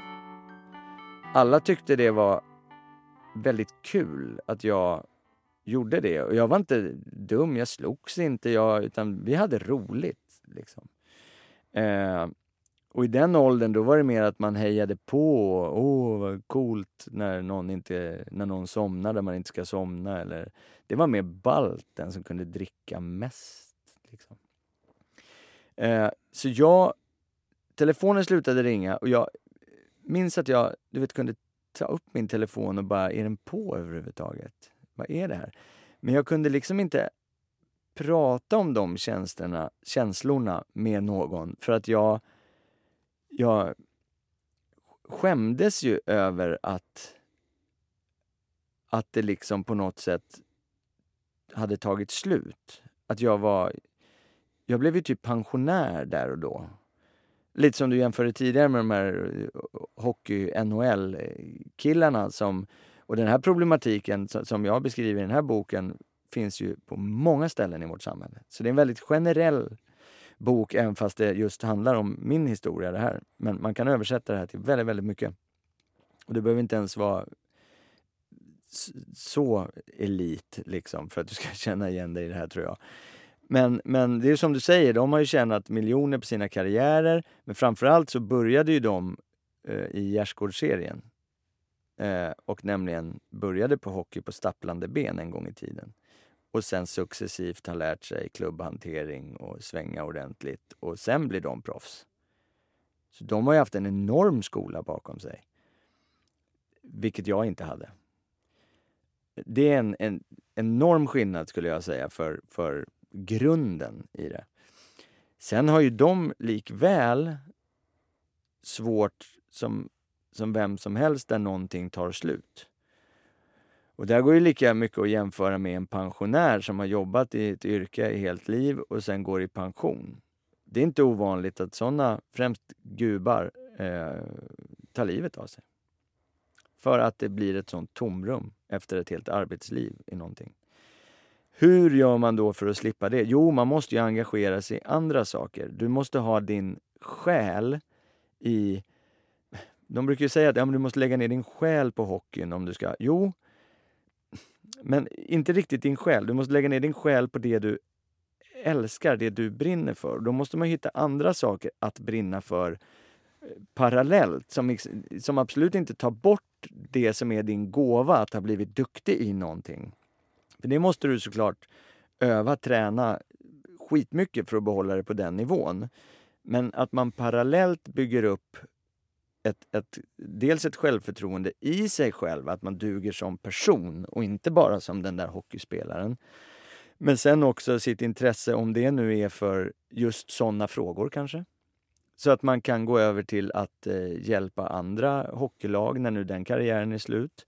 Man väljer det spåret eller att man tar upp det man hade tillsammans med hockey när man var liten, nämligen att hugga ved. Då är väl det jättebra att ta upp igen, för det var något man älskade förr och så vidare. och så vidare. Det är ju, tror jag, när du inte hittar det och inte ens tänker de tankarna som det blir ett, ett kan bli ett sånt stort tomrum och en sån stor håla att falla ner i att du faktiskt inte kommer upp. Och att inte komma upp för mig då innebär att du kanske tar ditt liv. Eh, och det är ju det sorgliga i den kråksången. Liksom. Hur nära själv var du eh, de tankarna? Jag var, jag var väldigt, jag hade de tankarna under den perioden då jag kraschade första gången 2004. Eh, när jag låg hemma hos mamma och pappa och bara blundade. Då hade jag självmordstankar och jag någonting i mig sa ändå att jag inte kommer göra det. Samtidigt som jag en dag utav de dagarna under tre månader blev inhämtad från balkongen av min pappa. Eh, vilket är... Eh, och det var ett minne som dök upp som jag inte har pratat med min pappa om. Eh, men jag skriver om det i boken. Eh, som jag minns det liksom att det var. För att det var som att vi, som att han inte heller ville liksom ta i det. Att, vad fan, är det här, är det, det här vi har hjälpt till att skapa på något sätt? Att de hade, de hade ju såklart ett ansvar för mig. Eh, nu blir jag lite rörd. Eh, okay. eh, de hade ju ett ansvar. De var ju de som var eh, var ansvariga för mig fram till att jag var 18 år. Liksom. Jag var ju barn. Eh, och att se sin son då krascha så hårt måste ju vara förjävligt när man antar att vi har ju sagt ja till det här. Eh, och huruvida de visste eller förstod eller tänkte på hur allting hängde ihop det kan jag inte svara på, men jag lyckades ju resa mig eh, till slut. Eh, nästan lika fort som jag hamnade där. Så var det för mig. Och det var för att jag kom på en, en av mina nycklar var ju just att, att jag tänkte mycket kring att jag aldrig hade bestämt eh, något vidare stort av värde i hela mitt liv. Liksom.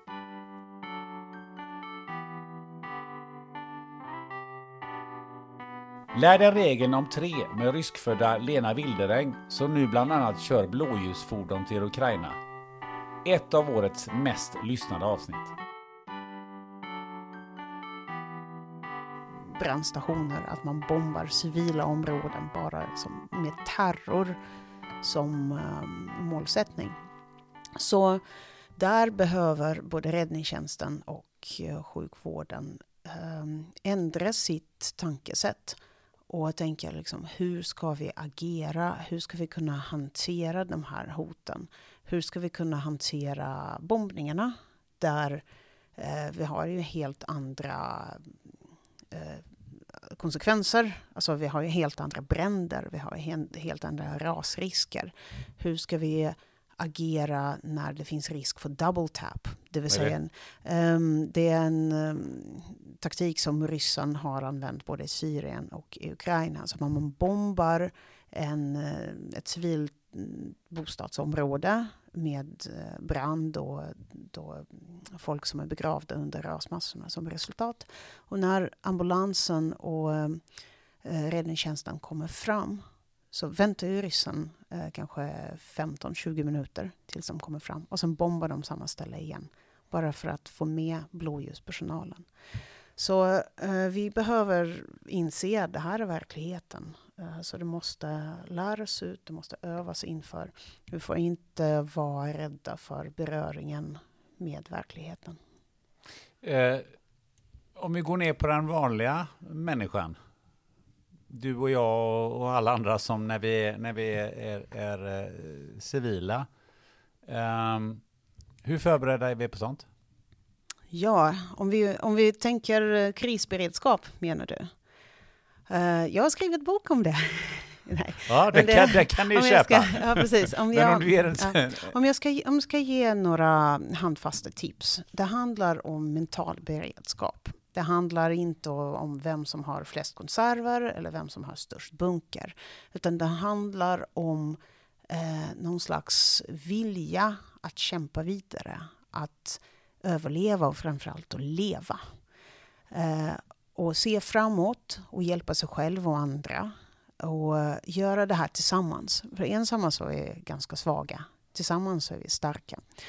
Det finns ett um, så här handfast tips som jag, jag kan ge här som kallas för tre-regeln. Har du hört den? Mm, jag har läst om mm. den. Det var första gången jag hörde ja. den. När det stod någonstans i dina, ja, i någon, om någon av dina böcker. Ja, men det, här, det här är en ganska bra regel. Man klarar sig tre veckor utan mat. Så det är jättebra att bunkra mat. Men det är inte superviktigt jämfört med andra saker. För man klarar sig bara tre dagar utan vatten. Så då är det ju mycket viktigare att ha rent dricksvatten hemma. Och det kan vara på dunk eller så kan man köpa vattenfilter eller så kan det bara vara några petflaskor som man har lagt under, under handfatet eller vad, vad det nu är. Så tre veckor utan mat, tre dagar utan vatten. Man klarar sig tre timmar utan skydd mot kyla eller extremt värme. Så då är det väldigt viktigt att ha kanske en sovsäck eller varma kläder utifall att um, hemmet skulle bli utkylt eller att man skulle bli um, fast någonstans med bilen. Um, tre minuter klarar man sig utan syre. Och det går inte att göra någonting, eller inte så mycket att göra åt det. Man ska inte drunkna. Och man ska inte kanske använda eh, köra grill inomhus. Eller så här. Man ska ha brandvarnare också. Då, då behöver man inte klara sig tre minuter utan syra. Men tre sekunder klarar man sig utan hopp.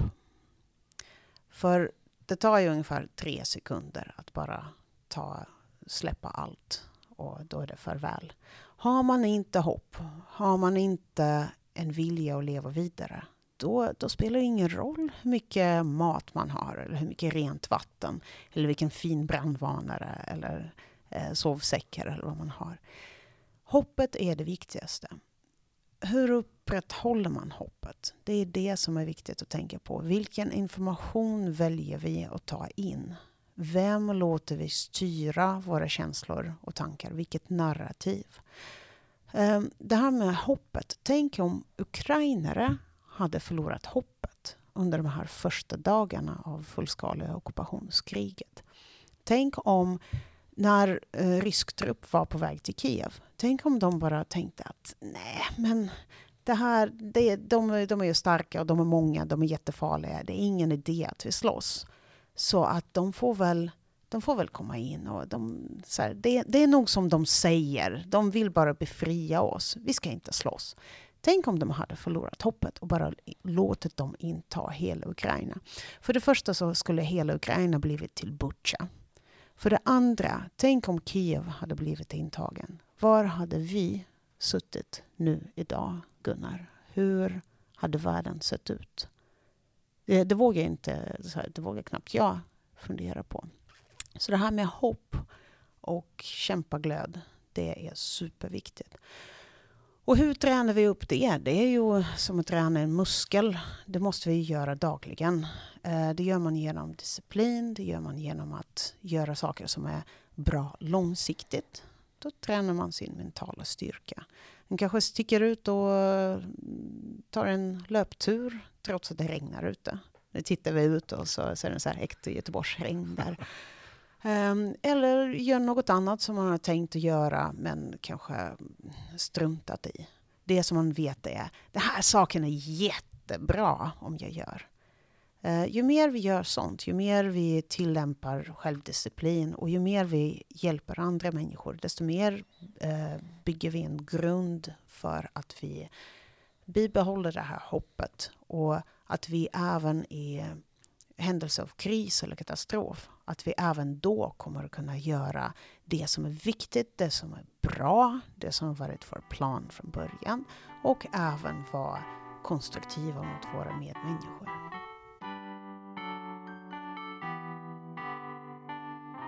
“70 är det nya 50” Det är titeln på äldreforskaren Ingmar Skogs bok. Men vad är livets lotteri och varför säger han att 20 är det nya 70? Lite, eh, några frågor inledningsvis. Det ena är att du pratar om någonting som heter livets lotteri. Ja. Kan du förklara det lite grann? Jo, det är så här att det kommer ofta larmrapporter att olika saker är farliga. Högt blodtryck, äta vissa saker och så vidare. Och då är det ju så här att var och en av de här faktorerna kanske inte alltid har jätteeffekt. De har en effekt och framförallt har de en effekt på befolkningsnivå. Eh, och vissa faktorer har väldigt stor betydelse på individnivå, alltså för dig som individ, som ökar risken. Eh, men det är ju så att det är många olika faktorer tillsammans som påverkar. Det är oftast inte en faktor. Ofta blir man av journalister tillfrågad, kan du tala om vilken faktor det är?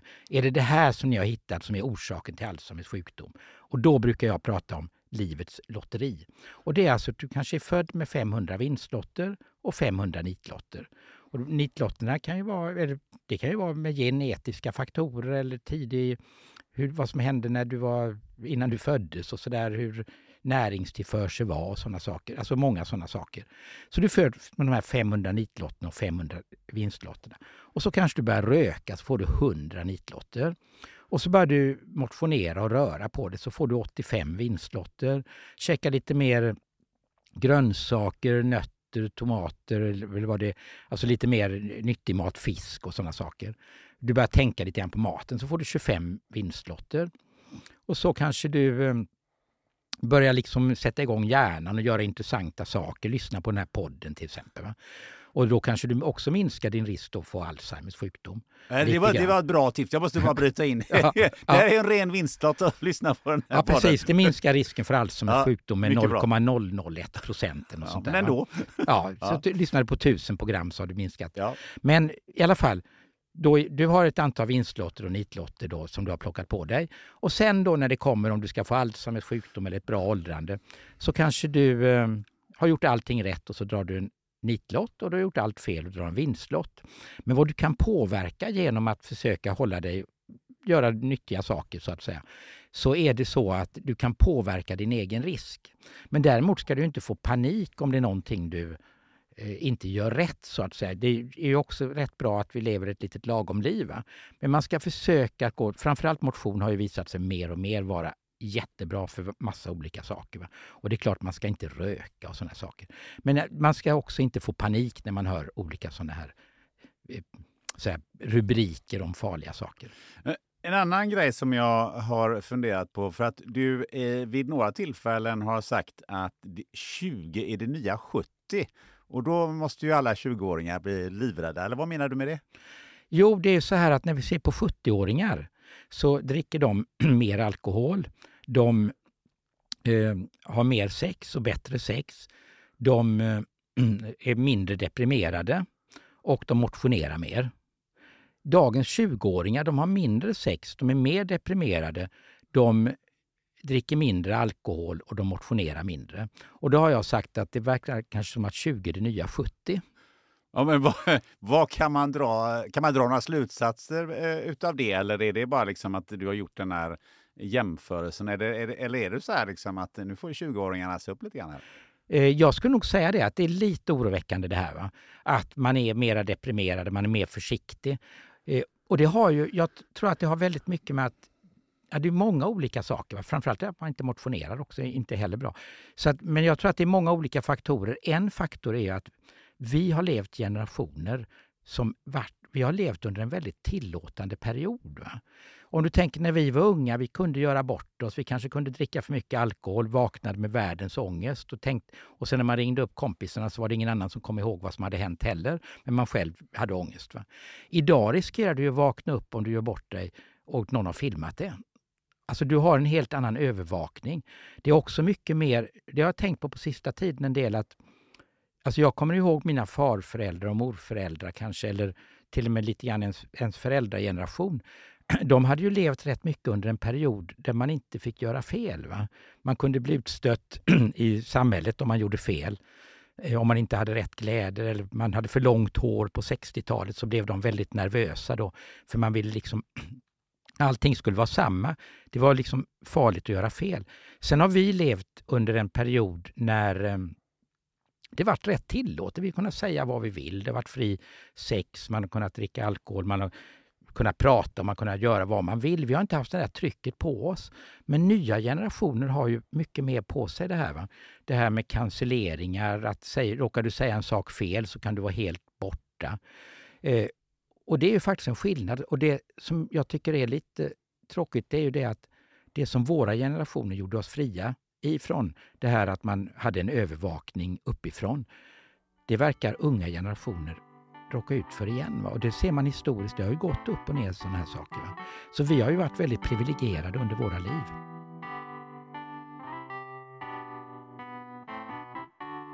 Emma Gren var den tysta och medieskygga friidrottaren.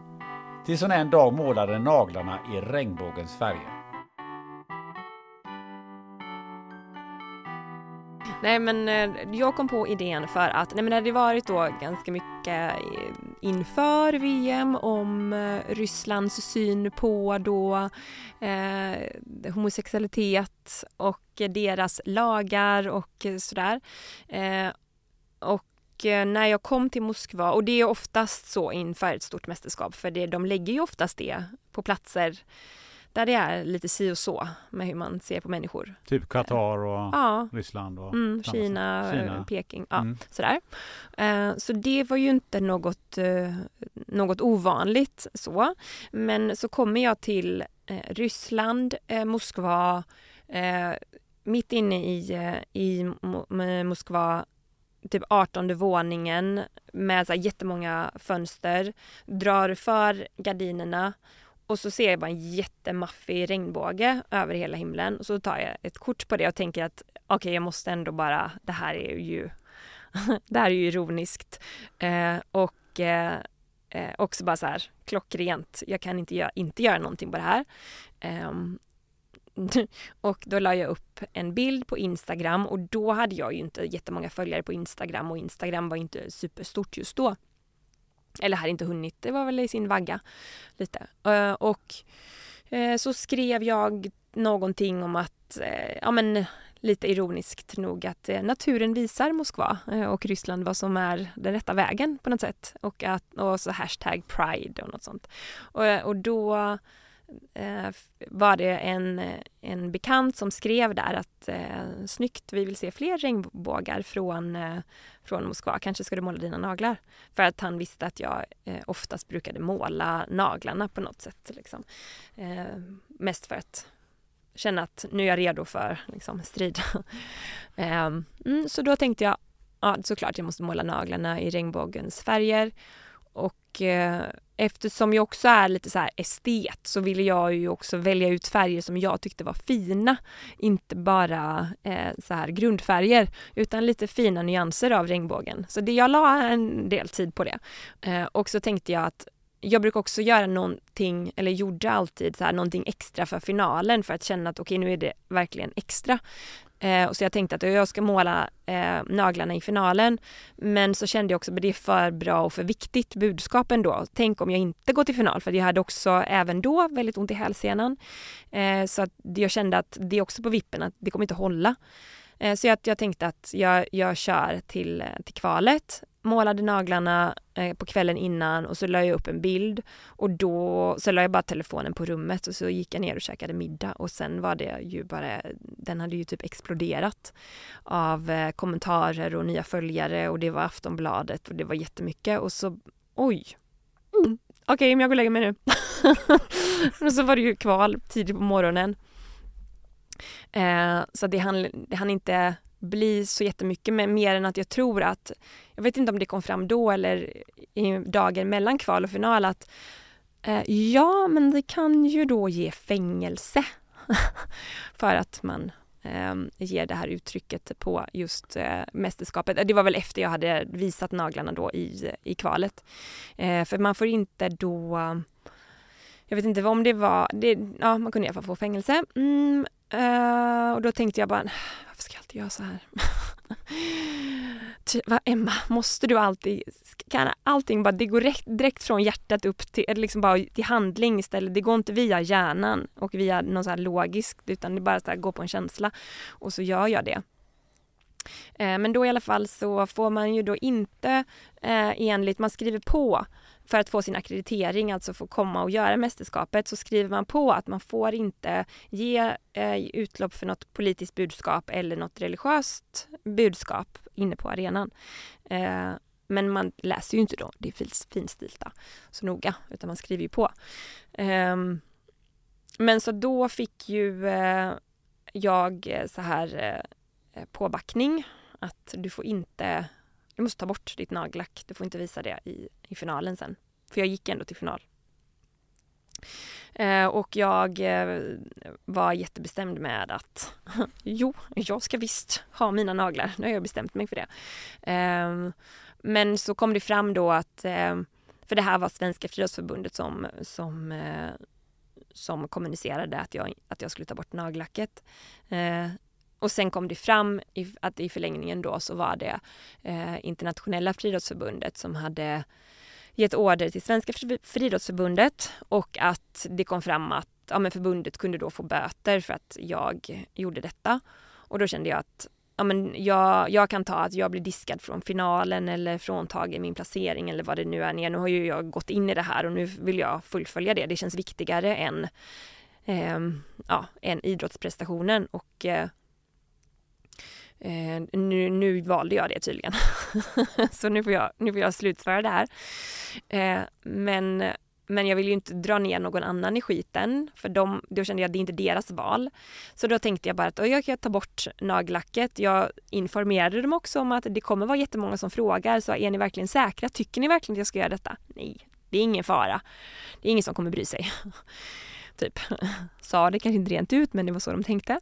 Um, och sen så målade jag naglarna röda istället eh, och bestämde för mig själv att det står för kärlek.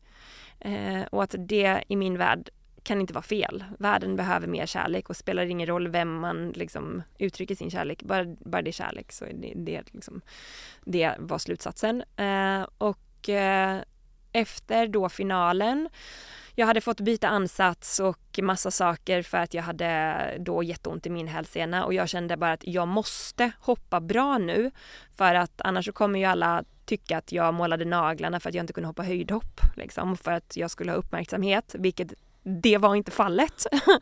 Men det var det bara jag som visste och jag kände att så jag måste, måste, måste, måste, måste hoppa bra. Så att jag hoppade 1,97 och det var bästa jag gjorde den sommaren och jag kom femma med tre ryskor framför mig som senare åkte fast för doping i året efter eller något sånt där. Så får man välja vad man tycker i resultatlistan att det är. Så jag tyckte ändå det var bra. Och sen gick jag ut i mixed zone och då gick, kom, jag gick in tillsammans bredvid, typ sida vid sida vid eh, Usain Bolt och eh, han gick om mig och gick ur mixed zone innan, alltså jag var kvar i mixed zone längre än vad Usain Bolt var.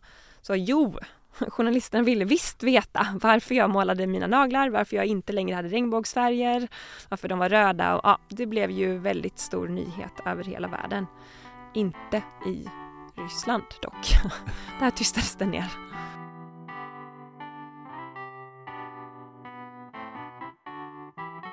Vett och etikett från helvetet är en av alla böcker Hans-Olof Öberg skrivit. Det var svårt att välja i avsnittet med överlägset flest one-liners.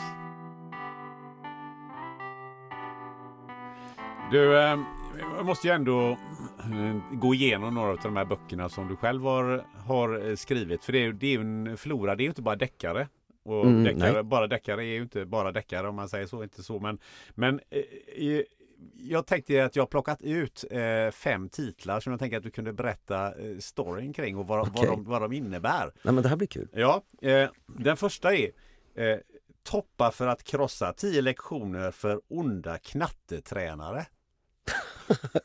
Du gräver djupt. Okej. Eh, det här hänger samman med att jag var knattetränare i Hammarby fotboll när min, när min grabb var liten.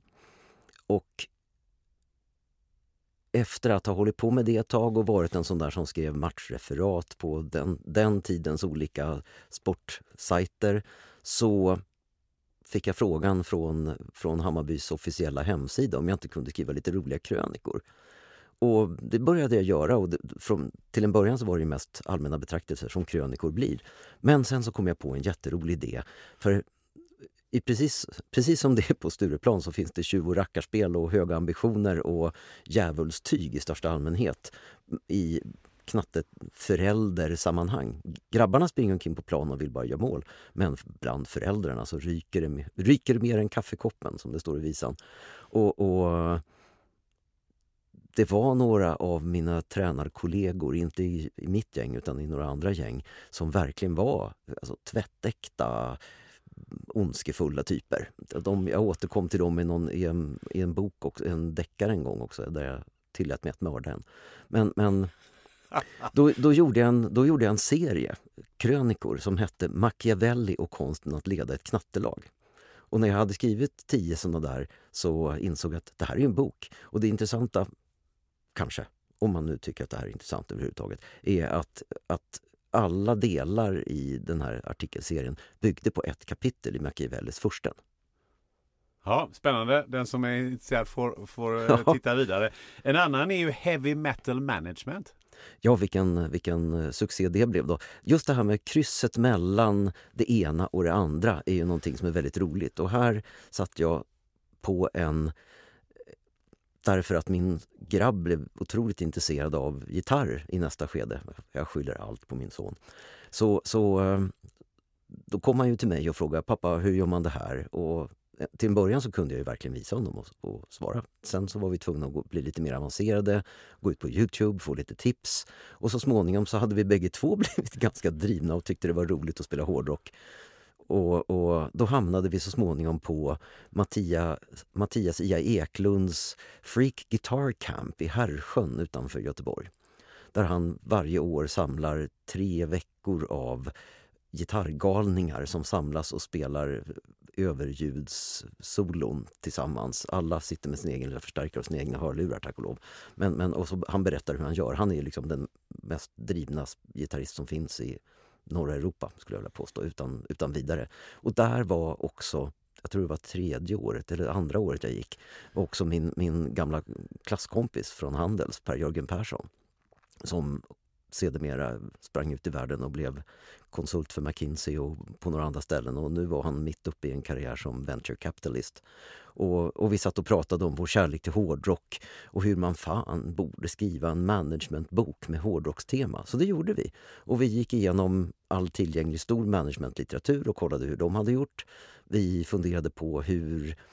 Och här finns det en på riktigt-faktor som, som inte alls går bort ifrån faktiskt. För att den här boken funkar. Sköter du dina affärer som man gör i hårdrocksvärlden på, enligt vår modell så kommer man att bli väldigt framgångsrik. Så vi tog helt enkelt metaforen för jag menar, hur kan fyra medelbegåvade australiensiska grabbar skapa ett världsherravälde som omsätter miljarders miljarder år ut och år in, 40 bast and still counting, eh, på fem jävla ackord och lite dist. Alltså hur går det ens till? Och då måste du ju bygga på någonting annat än höga inträdesbarriärer, kapitalintensiv verksamhet, forskning för utvecklingskostnader och ett överlägset distributionsnät. Det måste finnas någonting annat. Vad är det? Och då skapar vi en modell, The Heavy Metal Pentagram of Six, som det står väldigt mycket mer om i den boken. Så helt galet, men också väldigt roligt.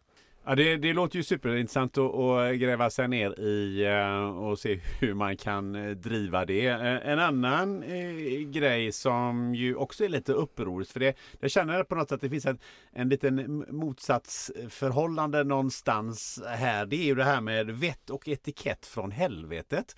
För, för, det, för det, det är ju lite så här. Etiketten var, det var grå kostym, man ska ha viss skjorta på sig, man ska äta ett visst sätt, det finns mest bestick, vita dukar och allt vad, vad, det nu, vad det nu var i den branschen. Och sen så kommer då vettig etikett från helvetet.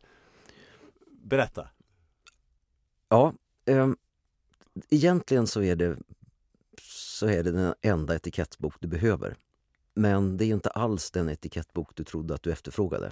För etikett kan ju ses på två sätt. Och det, det ursprungliga sättet är ju en samling eh, fastslagna normer för hur man dukar, hur man beter sig vid bordet, hur man uppträder för att folk från olika kulturer när de kommer till den här typen av tillställning ska veta precis hur man beter sig så att alla kan sluta, slippa fundera och bara ägna sig åt att ha trevligt tillsammans. Det, är ju, det som är viktigt är ju liksom, när, du, när du möts i ett socialt sammanhang, det är ju att liksom, ha, ha nice.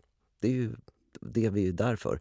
Men som det har blivit så, till och med när jag jobbade på en, på en saligen avsomnad verksamhet som kallade sig för HQ Bank så bjöd man ju in Magdalena Ribbing som ju är en förtjus eller var en förtjusande person som gick bort alldeles för tidigt. Och så att hon fick berätta om vett och etikett och så fick alla hennes bok. Och där någonstans så kom fröet till den här lite, vad ska vi kalla det för, eh, debatterande boken. Därför att plötsligt börjar alla, och det har jag sett i så många sammanhang, näpsa varann med att kunna etikett lite bättre. Och vips har etiketten gått från att vara det som får allting att snurra till det enda man sitter och snackar om. Och så blir man väldigt självmedveten. Och hur var det nu? Såsen till höger och hett från vänster. Eller varmt från vänster, hett från höger. Nej, kommer inte ihåg längre. Det här var jobbigt, jag går hem.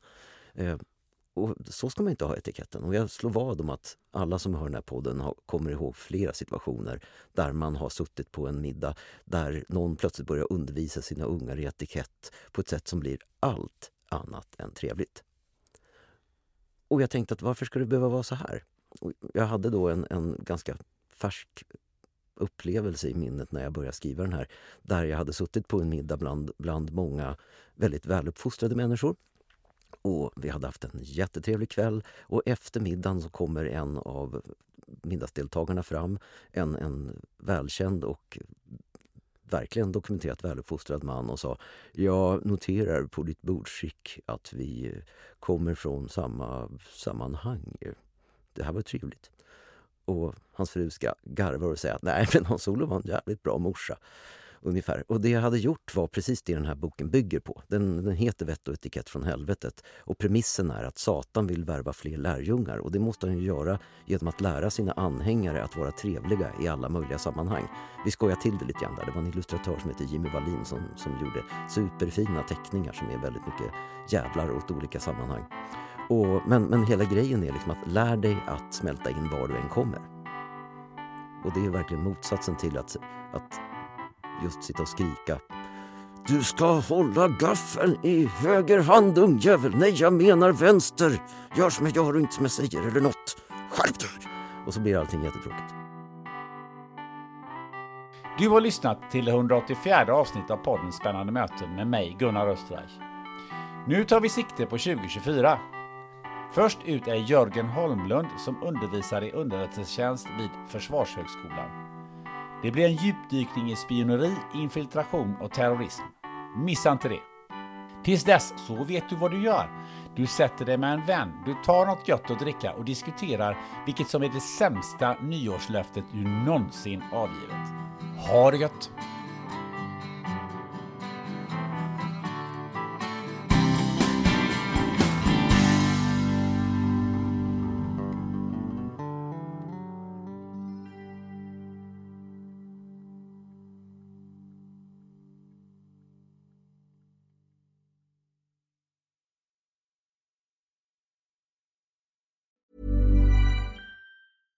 Ever catch yourself eating the same flavorless dinner three days in a row? Dreaming of something better? Well, HelloFresh is your guilt-free dream come true, baby. It's me, Gigi Palmer. Let's wake up those taste buds with hot, juicy pecan-crusted chicken or garlic butter shrimp scampi. Mm. Hello Fresh. Stop dreaming of all the delicious possibilities and dig in at HelloFresh.com. Let's get this dinner party started. Hi, I'm Daniel, founder of Pretty Litter. Did you know cats tend to hide symptoms of sickness and pain? I learned this the hard way after losing my cat, Gingy. So I created Pretty Litter, a health monitoring litter that helps detect early signs of illness by changing colors, saving you money and potentially your cat's life. Pretty Litter is veterinarian developed, and it's the easiest way to keep tabs on your fur baby's health right at home. Go to prettylitter.com and use code ACAST for 20% off your first order and a free cat toy. Terms and conditions apply. See site for details.